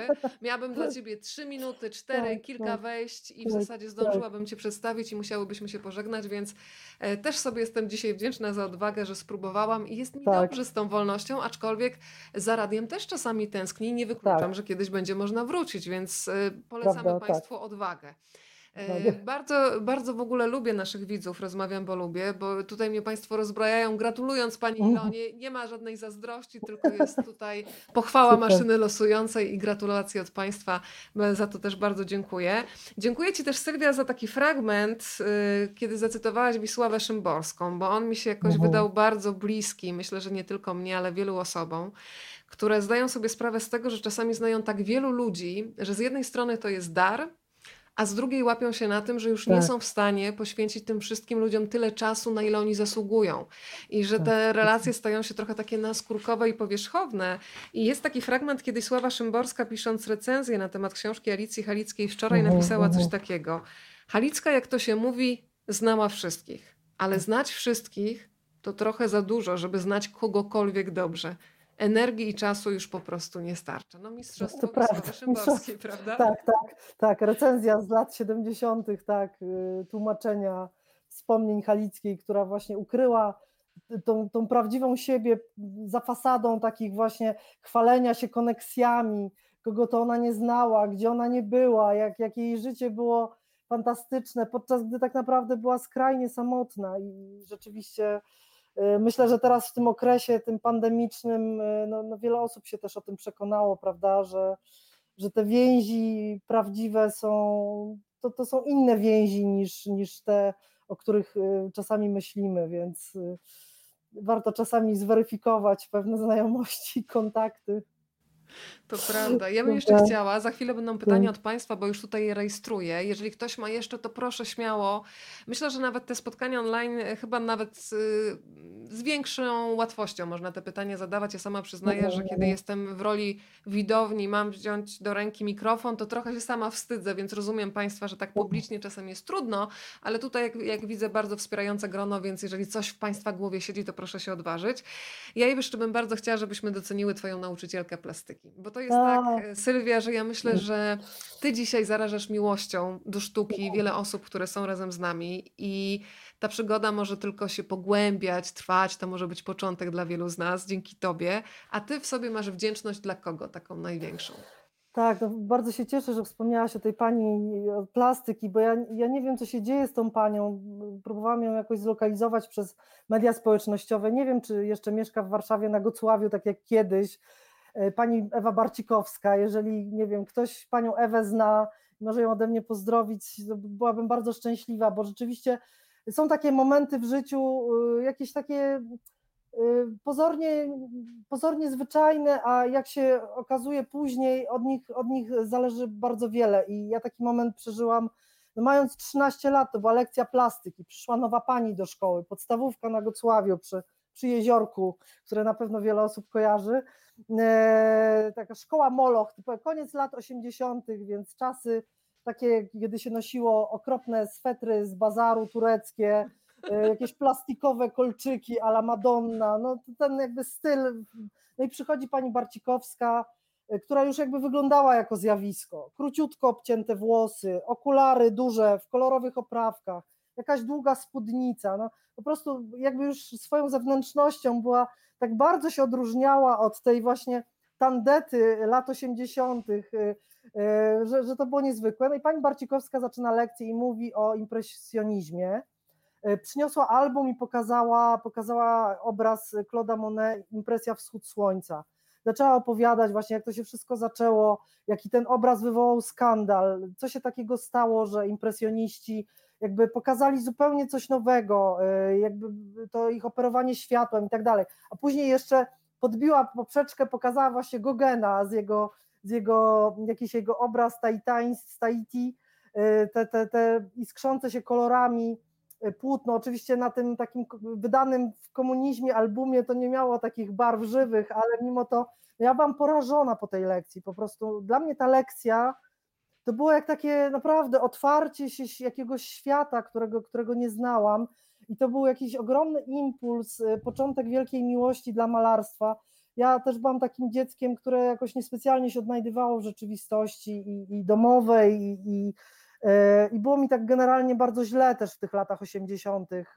I jednak no, sztuka stała się taką odskocznią, wielką pasją. Zaczęłam sama malować, ale zaczęłam się przede wszystkim interesować. Oczywiście wtedy nie było internetu, no nie było nawet specjalnie gdzie oglądać tych obrazów, więc, więc jakby moim wielkim, wielkim marzeniem było zobaczyć na żywo tego Gogena czy, czy tego Monet, e, cokolwiek. Pamiętam, że kiedy rzeczywiście przyjechała jakaś wystawa pod koniec lat 80. w Zamku Królewskim był pokazywany obraz Gogena, macierzyństwo zresztą chyba, to ja pamiętam, że byłam tak po prostu przejęta, że prawie zemdlałam tam.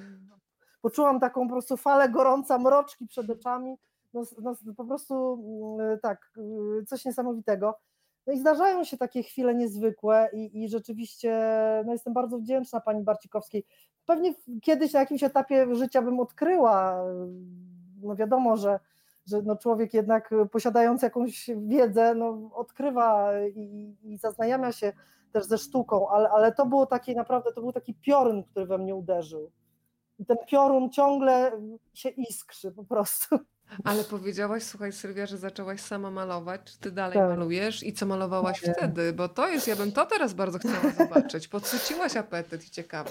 Nie, ja nie, nie miałam jakiegoś specjalnego talentu i, i no, poniosłam jakąś gigantyczną porażkę na froncie jakby takim domowym, bo tak rodzice z takim przymrużeniem oka traktowali te moje próby malarskie. Ja malowałam na takich płytach pilśniowych, no na takich, znaczy takich płytach, przepraszam, no to Boznańska na takich malowała, tak. ja wtedy jeszcze nie wiedziałam. Y, oczywiście y, no to były takie obrazy trochę nie wiem, ja byłam strasznie zakochana w Szagalu, więc one takie troszeczkę były pod wpływem Szagala, tam coś zawsze fruwało i takie były trochę magiczne. No nie wiem, no pewnie dzisiaj bym powiedziała, że były bardzo infantylne, ale, ale rzeczywiście wkładałam w to całe serce, chodziłam na jakiś tam kurs rysunku. Y, zresztą odbywał się, to jest też ciekawe, że odbywał się na ulicy Leszno, tam gdzie się urodziła Melamuter, teraz mi to przyszło do głowy. Tej kamienicy oczywiście już nie po ma. po swoich śladach. Tak.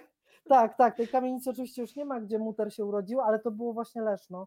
Natomiast rzeczywiście ja się tak dałam, yy, znaczy nie, nie, nie miałam wiary w siebie, ja też jestem taką osobą, zresztą to też mnie bardzo tak pociągało w Meli Muter, bo ona w swoich wspomnieniach napisała, że ona się zawsze zmagała z takim ogromnym jakimś, yy, z jakąś ogromną nieśmiałością i takim brakiem wiary dziko w siebie. Nieśmiała, to mnie, prawda? Dziko nieśmiała, właśnie to tak. To, to, to mnie zawsze, i to y, jakby ja też jestem taką osobą, może nie sprawiam takiego wrażenia, ale ja jestem. Też.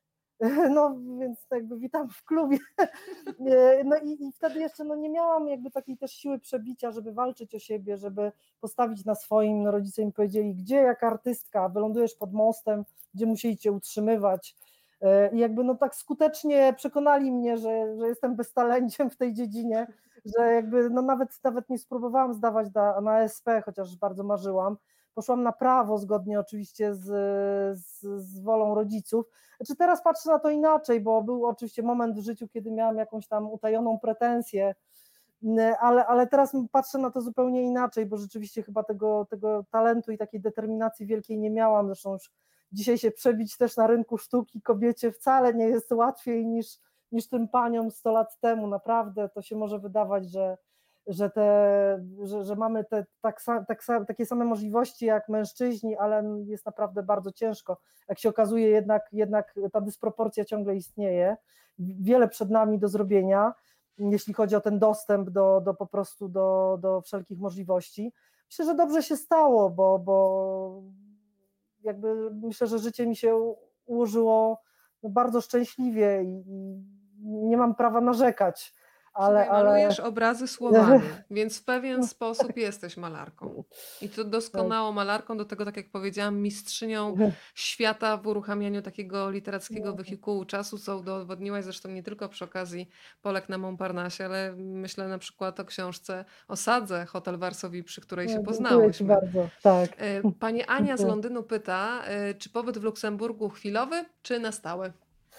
No ja tu jestem od praktycznie, no dokładnie mi, za chwilę miną trzy lata, y, też nie będę ukrywać, y, jakby przyjechałam za mężem w związku z jego pracą, bo to było tak, że on w pewnym momencie życia e, no jakby poszedł mi na rękę i, i, ja mogłam rzucić pracę i też dzięki niemu jakby odcinać kupony trochę od, od tych lat, które przepracowałam. No a, a w pewnym momencie nadszedł moment, kiedy w związku trzeba było też jakby wesprzeć jego, jego sytuację zawodową. No i była moja kolej, żeby pisać, jak wiadomo, można wszędzie. I oczywiście tutaj wielkim bonusem lokalizacji w Luksemburgu jest to, że Paryż jest tak blisko. No pewnie gdybym nie mieszkała w Paryżu, to bym nie napisała tej książki Polki na Montparnasse, bo, e, bo jednak e, te wyprawy do Paryża e, no były, były bardzo potrzebne. Myślę, że jakby z perspektywy Warszawy byłoby mi ciężko i logistycznie, i finansowo temu podołać, a a jak długo zostaniemy, to powiem szczerze, nie wiem. Nie wiem. Ja, ja tęsknię bardzo za, za Warszawą. Nie będę się. Nie będę, kępą, tak? No w ogóle za Warszawą, za Polską. Bardzo tęsknię. Jednak już trochę byłam, jakby trochę byłam już za, za stara na tą emigrację, muszę powiedzieć, kiedy się tu przenosiłam i, i y, oczywiście tutaj też na szczęście znam francuski, więc funkcjonuję w, w kulturze, która jest mi bliska i, i, A skąd znasz ten francuski? Od razu pani Beata e, Uczyłam się w liceum trochę, natomiast y, pracowałam, potem moja pierwsza praca po studiach jako prawniczki to była w takiej firmie francuskiej, Casino. Niektórzy może znają takie supermarkety, które są na południu Francji. W Polsce to były supermarkety Jean, może niektórzy pamiętają, więc ja budowałam te supermarkety, czy mówię to oczywiście y, tak w cudzysłowie, ale to była, to była świetna, świetna szkoła życia i, i wtedy troszeczkę się podciągnęłam językowo, bo pracowałam po prostu z, głównie z Francuzami. No i tutaj w Luksemburgu też, też mi się udało jakby trochę, trochę podnieść poziom językowy. Pani Ania napisała, że w takim razie obie mamy w miarę blisko do Paryża. Ja też tęsknię za Warszawą. Pozdrawiamy Londyn w takim razie w osobie pani Ani. E, to ja mam jeszcze, słuchaj, do Ciebie pytanie, które się pojawiło na początku naszej rozmowy. Ja już w tych komentarzach go nie odszukam, ale pamiętam. Pytanie dotyczyło tego, y, skąd taki, a nie inny wybór obrazów na okładkę. E, bo myślę, że tutaj też się musiała toczyć bardzo długa i burzliwa dyskusja, kto wyląduje na okładce. Tutaj, prawdę mówiąc, ja się tak nie czuję do końca mm, e, umocowana w udzieleniu odpowiedzi, bo tu jednak e, mhm. pani graficzka i, i, i, e, pani Karolina Mikulicz z wydawnictwa Agora, myślę, że one powinny się tutaj spowiadać, tak. bo rzeczywiście no, było sporo podejść do tej okładki, bo wiadomo było, że ona musi w jakiś sposób no, przyciągać oko i, i też od początku było wiadomo, że, że musi no musi być atrakcyjna wizualnie, bo to jednak mówimy o książce o, o kobietach nieznanych. Oczywiście dzisiaj, kiedy już minęło parę tygodni od premiery i wiem, że naprawdę odzew no, czytelników jest niesamowity i, i, y, książka się dobrze sprzedaje, jakby w tej chwili te obawy są, jakby wiadomo, że były bezpodstawne, ale, ale ale chodziło jednak o to, żeby przyciągnąć czytelnika e, tą, tą jakąś magnetyczną okładką. No i myślę tutaj, że wydawca się e, no jednak wzbił na wyżyny, tej pani graficzka oczywiście też. I, I to zestawienie wydaje mi się bardzo, bardzo pociągające, bo te, te kobiety są różne, bo tutaj mamy tak, cyganka Anieli Pająkówny, to jest ta pani w tych różowych spodniach, E, w takim, no, takim outficie różowym, od pasa w dół. No jest centralna, centralna postać to jest e, portret Anny Bilińskiej-Bogdanowicz, kobieta z różą w ręku. E, no i mamy Japonkę Olgi Boznańskiej, więc one to są jakby obrazy, panie z obrazów, które powstały trochę, trochę w innych momentach w czasie, różnych malarek, ale tak jak patrzymy na nie, to one mają coś wspólnego, prawda? One, one, ten, ten wyraz ich twarzy jest taki bardzo niejednoznaczny. Ja się często zastanawiałam nad tą panią w czarnym kapeluszu z białą kokardą. Yy, stałam przed tym obrazem, to jest takie płótno dużych rozmiarów, yy, ono wisi w Muzeum Narodowym w Warszawie, wielokrotnie je oglądałam. I zawsze się tak zastanawiałam, to jest młoda kobieta, dlaczego, dlaczego ona, ona ma taki wyraz twarzy, yy, z jednej strony taki tak, pusty, jakby już smutny, ja zawsze sobie myślałam, że ona właśnie już wie, że idzie za, że wychodzi za mąż, że, to, tak. że już jej po prostu, już jej powiedziano, ojciec jej powiedział, że już kandydat jest wybrany i to już nadchodzi ten moment, kiedy to będzie ten pan i ona tego pana już widziała. Znaczy ja tutaj trochę, trochę żartuję, nie chcę, nie Tak. chcę. Tutaj każdy może interpretować po swojemu, czy to jest jakiś zawód miłosny, czy to jest może takie w ogóle rozczarowanie życiowe, że na coś czekała bardzo mocno i, i to coś się spełniło, ale jak, jak wiemy, często jest tak, że bardzo, bardzo czegoś pragniemy, a kiedy to przychodzi, nagle się okazuje, że To nie to, wcale nie, ma tego, wcale nie ma tego smaku, na który liczyliśmy. I może to jest ten moment, ale w każdym razie każda z tych, z tych postaci jest, y, jest, y, ma bardzo interesujący wyraz twarzy. No, ta cyganka też jest taka smutna, taka, taka zamyślona, e, taka, mm, e, taka zapatrzona gdzieś, gdzieś, gdzieś w dal. To, to, to nie jest taki typowy wizerunek, prawda, rozśpiewanej, Tak. roztańczonej y, cyganki. Ona jest bardzo melancholijna. No i podobnie e, ta Japonka Boznańskiej, to też jest jakaś młoda kobieta w tym takim charakterystycznym stroju, ale też na jej twarzy maluje się taka niejednoznaczna, no te, te emocje są niejednoznaczne. Tak. Nie, Wiesz co, teraz y, zobaczyłam komentarz pani Jagi, jakoś jest mi bardzo Tak. bliski, jeżeli chodzi o interpretację całości twojej książki, że te kobiety Mhm. z okładki tworzą taki krąg. Ja sobie Mhm, faktycznie mhm. wyobraziłam kobiety, które z taką szczerością są w stanie opowiedzieć o tych bardzo trudnych momentach w swoim Tak. życiu, o tych momentach, które je uskrzydlają i że one najlepiej siebie zrozumią, bo tak, y, one faktycznie żyły w tak samo opresyjnych czasach. Myślę Tak, o, tej, tak. o tej mentalności, która, gdzie, która wymagała od nich naprawdę ogromnej siły przybicia, żeby Tak, żyć po swojemu. E, absolutnie. myślę, że no dzisiaj mamy, nadal nie jest łatwo, ale jednak zdecydowanie łatwiej niż e, Oczywiście. artystki, o których dzisiaj rozmawiamy. Chciałam jeszcze na koniec pokazać obraz, który bardzo lubię.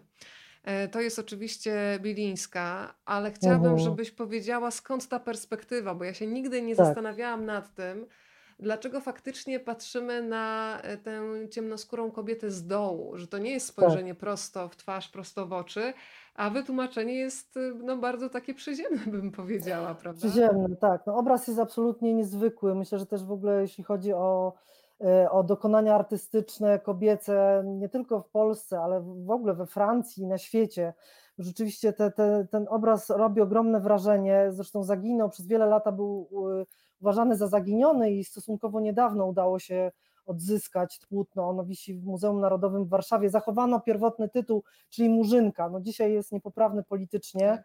E, ale rzeczywiście skąd ta perspektywa? E, Anna Bilińska-Bogdanowicz, kiedy malowała ten obraz, ona była jeszcze w tym, w tym przedsionku sławy. E, To były lata, to, to był rok e, 80, e, 1885, 86, kiedy ona jeszcze, e, jeszcze tej sławy nie zdobyła, ciągle się uczyła w Akademii Julien e, malowała modeli. Tam właśnie prawdopodobnie ta, ta modelka, czarna kobieta, to była modelka, którą, którą e, kobiety malowały w akademii. Natomiast e, Anna ten obraz jakby kończyła i, i, i już po, wychodziła poza szkic. E, No, pracowała w swojej pracowni. No i tutaj mamy rozwiązanie tego pytania, e, które zadałaś, bo Anna Bilińska wynajęła sobie pokoi, no pokoik, to nawet nie wiem, czy można nazwać pokoikiem. To było Tak. pomieszczenie, które miało e, wymiary 2,5 metra na 2 metry. Wyobraźmy sobie, Mhm. no to nie wiem.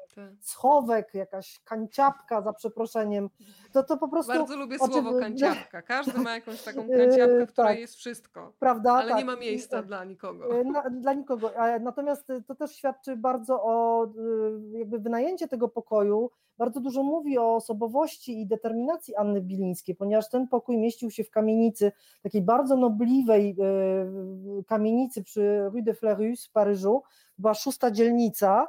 E, Rzeczywiście ta kamienica była od początku e, no jednak e, miejscem, gdzie mieszkała nie, może nie to, że elita, ale jednak osoby, osoby związane z rynkiem sztuki i jednak w jakiś sposób ten adres nobilitował, a to było też istotne, że w tamtych czasach, kiedy się zgłaszało obraz na salon paryski, taki najbardziej prestiżową wystawę, to podawano zawsze w katalogu, e, co też było niesamowite, bo podawano zawsze przy kobiecie, czy to jest panna, czy mężatka, jakby to miało w ogóle cokolwiek Znaczenie. wspólnego, ale zawsze podawano i podawano właśnie adres. I to też było istotne, żeby ten adres w katalogu, no to nie była jakaś ulica, no, jakaś, prawda, na obrzeżach, e, więc Bilińska wynajmuje bardzo malutki pokoik, no bo na nic więcej jej nie stać. Ona miała trudną sytuację finansową, bardzo.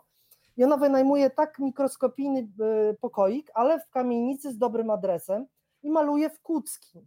Jakby stąd jest, stąd ta perspektywa, kilka obrazów, też dama z lornetką wisząca w Muzeum w Warszawie, ma te, to samo jakby ujęcie, ta, ta perspektywa jest trochę zaburzona, bo Bilińska po prostu no nie, nie mogła się wyprostować w tym pokoju, ona siedziała w kucki, więc jakby siłą rzeczy E, płótno, a właśnie, tu widzimy damę z lornetką. Ona też jest, prawda, tak, tak. malowana. Tak, jakby e, ktoś faktycznie się w kłódzkę tak. siedział i, I ona rzeczywiście, malował. Bilińska, to, ten, to, to płótno miała tak po prostu powyżej siebie troszeczkę. No i, i z tej perspektywy nanosi, jakby przedstawiała modelkę. Więc to jest też jakby unikatowy walor, bo mało która z, z malarek XIX-wiecznych E, to tak malowała jak, jak Bilińska, to jakby e, trudność ona przekuła w coś też, e, co świadczy o jej indywidualizmie i jej wyjątkowości. No ale wyobraźmy sobie tą biedną Annę, która w tym pokoiku gotowała, spała, tak, no jakby w ogóle żyła, pisała listy, no i malowała. No, determinacja po prostu niewyobrażalna. Ale, ale cieszę się, że pokazałaś ten obraz. On jest on jest absolutnie przepiękny, bardzo silnie oddziaływuje na patrzącego. To prawda, Sylwia, to ostatnie pytanie mm, na finał naszego spotkania. Wyobraź sobie, że możesz mieć każdy obraz. Nie ma ograniczeń finansowych, mamy tutaj bogatego sponsora. Mało tego, nawet. Mm możemy zmieniać rzeczywistość trochę, bo chciałam Cię też zapytać, y, masz naprawdę szerokie pole wyboru, bo piszesz też książkę o takich obrazach, o których tylko już można przeczytać, których już nawet tak. nie można zobaczyć, bo one zaginęły w różnych okolicznościach. Więc y, teraz daję Ci taki trudny wybór, czyli z Bardzo tych wszystkich trudny. prac, y, które opisujesz, Meli Muter, Boznańskiej, Łępicka tam się pojawia, ze wszystkich artystek, o których piszesz, możesz wybrać jeden, który zawiesisz sobie u siebie w salonie i będziesz go miała do dyspozycji 24 godziny na dobę. Który z obrazów znalazłby się w Twoim domu? O matko, to jest pytanie hardkorowe, naprawdę. Znaczy Takie odpowiem lubię. jakby, tak, to jest pytanie hardkorowe. Znaczy tu przyszła mi na, do głowy jedna rzecz, to taki, chyba jednak ta, ta pierwsza myśl jest zawsze taka chyba... Prawdziwa prawdziwa i pomyślałam o takim e, właśnie jednym z autoportretów pająkówny, który spłonął e, w Powstaniu Warszawskim. On jest reprodukowany w książce, e, taki czarno-biały, gdzie pająkówna już namalowała siebie, no już miała, już miała córkę, już, już, żyła, w, już żyła w Paryżu, już, już jakby to życie ją mocno, mówiąc tak kolokwialnie, docisnęło, już jakby te złodzenia związane z tym, że Przybyszewski kiedyś się opamięta, i jednak, jednak do niej przyjdzie, to już wszystko prysło i zostało, została jakby, została ta prawda, y, czyli to, co ona w życiu osiągnęła, to, że jest malarką, i ona siebie namalowała właśnie w takiej czarnej sukni, znaczy do dzisiaj, dzisiaj nie wiemy, czy to była tak do końca czarna suknia, ona oczywiście, bo pozostała tylko, zachowała się fotografia tego autoportretu, ale rzeczywiście wyraz jej twarzy jest bardzo przejmujący, widać Widać też ten smutek, tą chorob, te, te choroby prawdopodobnie, które ją nękały, bo to już jest taka twarz no, zmęczona i taka, mm, te, te rysy są wyżłobione, a z drugiej strony właśnie pokazała siebie jako, jako malarkę. I to, to jest jednak bardzo symptomatyczne dla tych wszystkich kobiet, że one jakby y, je ta świadomość tego, że postawiły na sztukę i one się tego trzymały do końca, ona je niosła przez życie. I myślę, że nawet kiedy odchodziły odchodziły w trudnych warunkach materialnych, e, jakby zwykle też samotne, już, już e, pozbawione tej opieki takiej nawet podstawowej, ale, ale, ale jednak myślę, że odchodziły z, taką, z, taką, z takim poczuciem, że postawiły na siebie, postawiły na sztukę i to był jednak, to był jednak jedyny wybór i, i jedyny ważny i, i coś, co rzeczywiście E, naznaczyło to życie w taki szczególny sposób i co było warte wszystkiego, co przeżyły. Dlatego tak po prostu to jest też impuls. Pomyślałam o pająkównie, dzisiaj nie możemy zobaczyć tego obrazu, dlatego może też gdyby więcej się płócien pająkówny zachowało, e, no mielibyśmy troszeczkę inny pogląd na jej malarstwo i, i ona by po prostu została, została też zapamiętana jako malarka E, a tak się jednak nie stało, bo, bo została tą właśnie tą kochanką Przybyszewskiego. Myślę, że to jednak jest bardzo, bardzo dla niej e, no, no krzywdzące.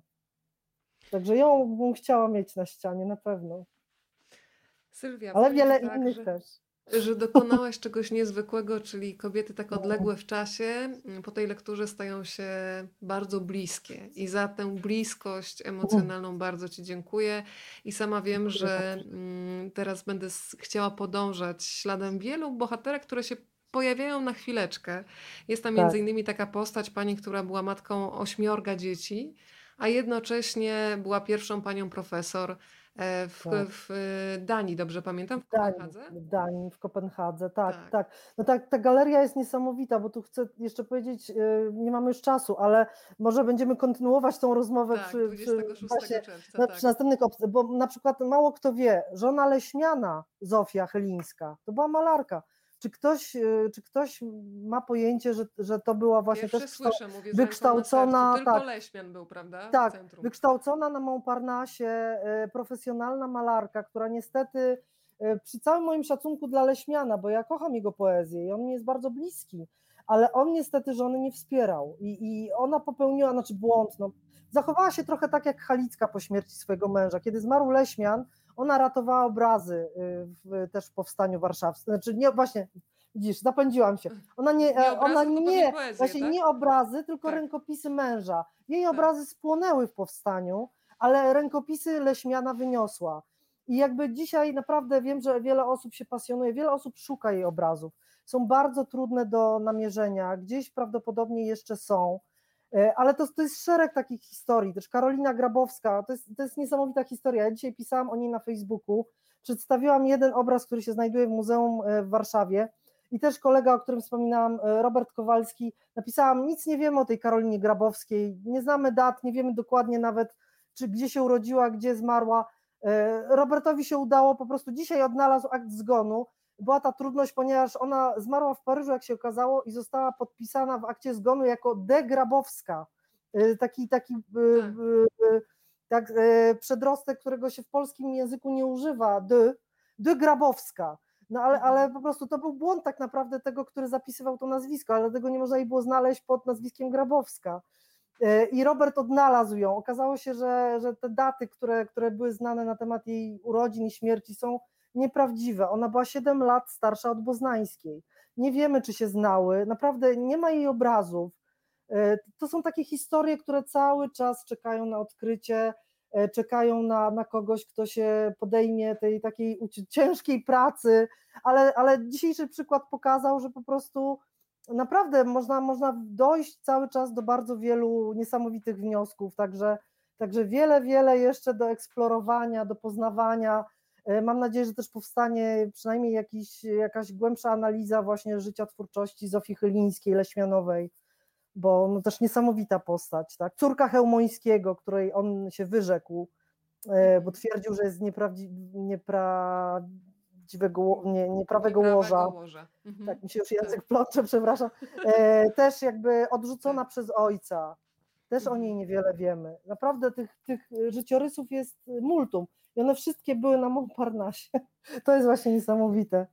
Czyli możemy powiedzieć, ciąg dalszy nastąpi. Najbliższe Tak. spotkanie z Sylwią, które będę miała okazję poprowadzić 26 czerwca. Spotykamy się w ramach Big Book Festiwalu, na który z całego serca Państwa rzecz jasna zapraszamy. Sylwia, to była Zapraszam. dla mnie ogromna frajda. Słuchaj, minęły nam dwie godziny, a ja bym mogła z Tobą do rana pewnie. Polki Tak. na Montparnasse. Tę książkę z całego serca Państwu polecam. Ja wiem, że nie raz, nie dwa do niej jeszcze wrócę. Sylwia, moc uścisków i dobrych myśli tutaj od Państwa wysyłam w Twoją bardzo. stronę. Bardzo Dziękuję. Ci dziękuję za to spotkanie, a ja jeszcze jestem winna Państwu zaproszenia na kolejne spotkania. Już wiem, że 29 czerwca będzie z nami Justyna Dżbik-Kluge ze swoją debiutancką książką. Trochę porozmawiamy o tym, co doskonale wiedzą piloci wycieczek, czyli jak Polacy zachowują się na wakacjach. Y, Może być ciekawie i zabawnie, momentami też y, smutne refleksje będziemy mogli wyciągnąć, to mogę Państwu Ciekawy temat. Tak, a 30 czerwca książka, której powiem Wam szczerze, ja się trochę boję, już ją przeczytałam, ale do tej pory wydawało mi się, że pewne rozwiązania w e, filmach sensacyjnych, kryminalnych są taką wyobraźnią scenarzystów. To jest książka porażająca.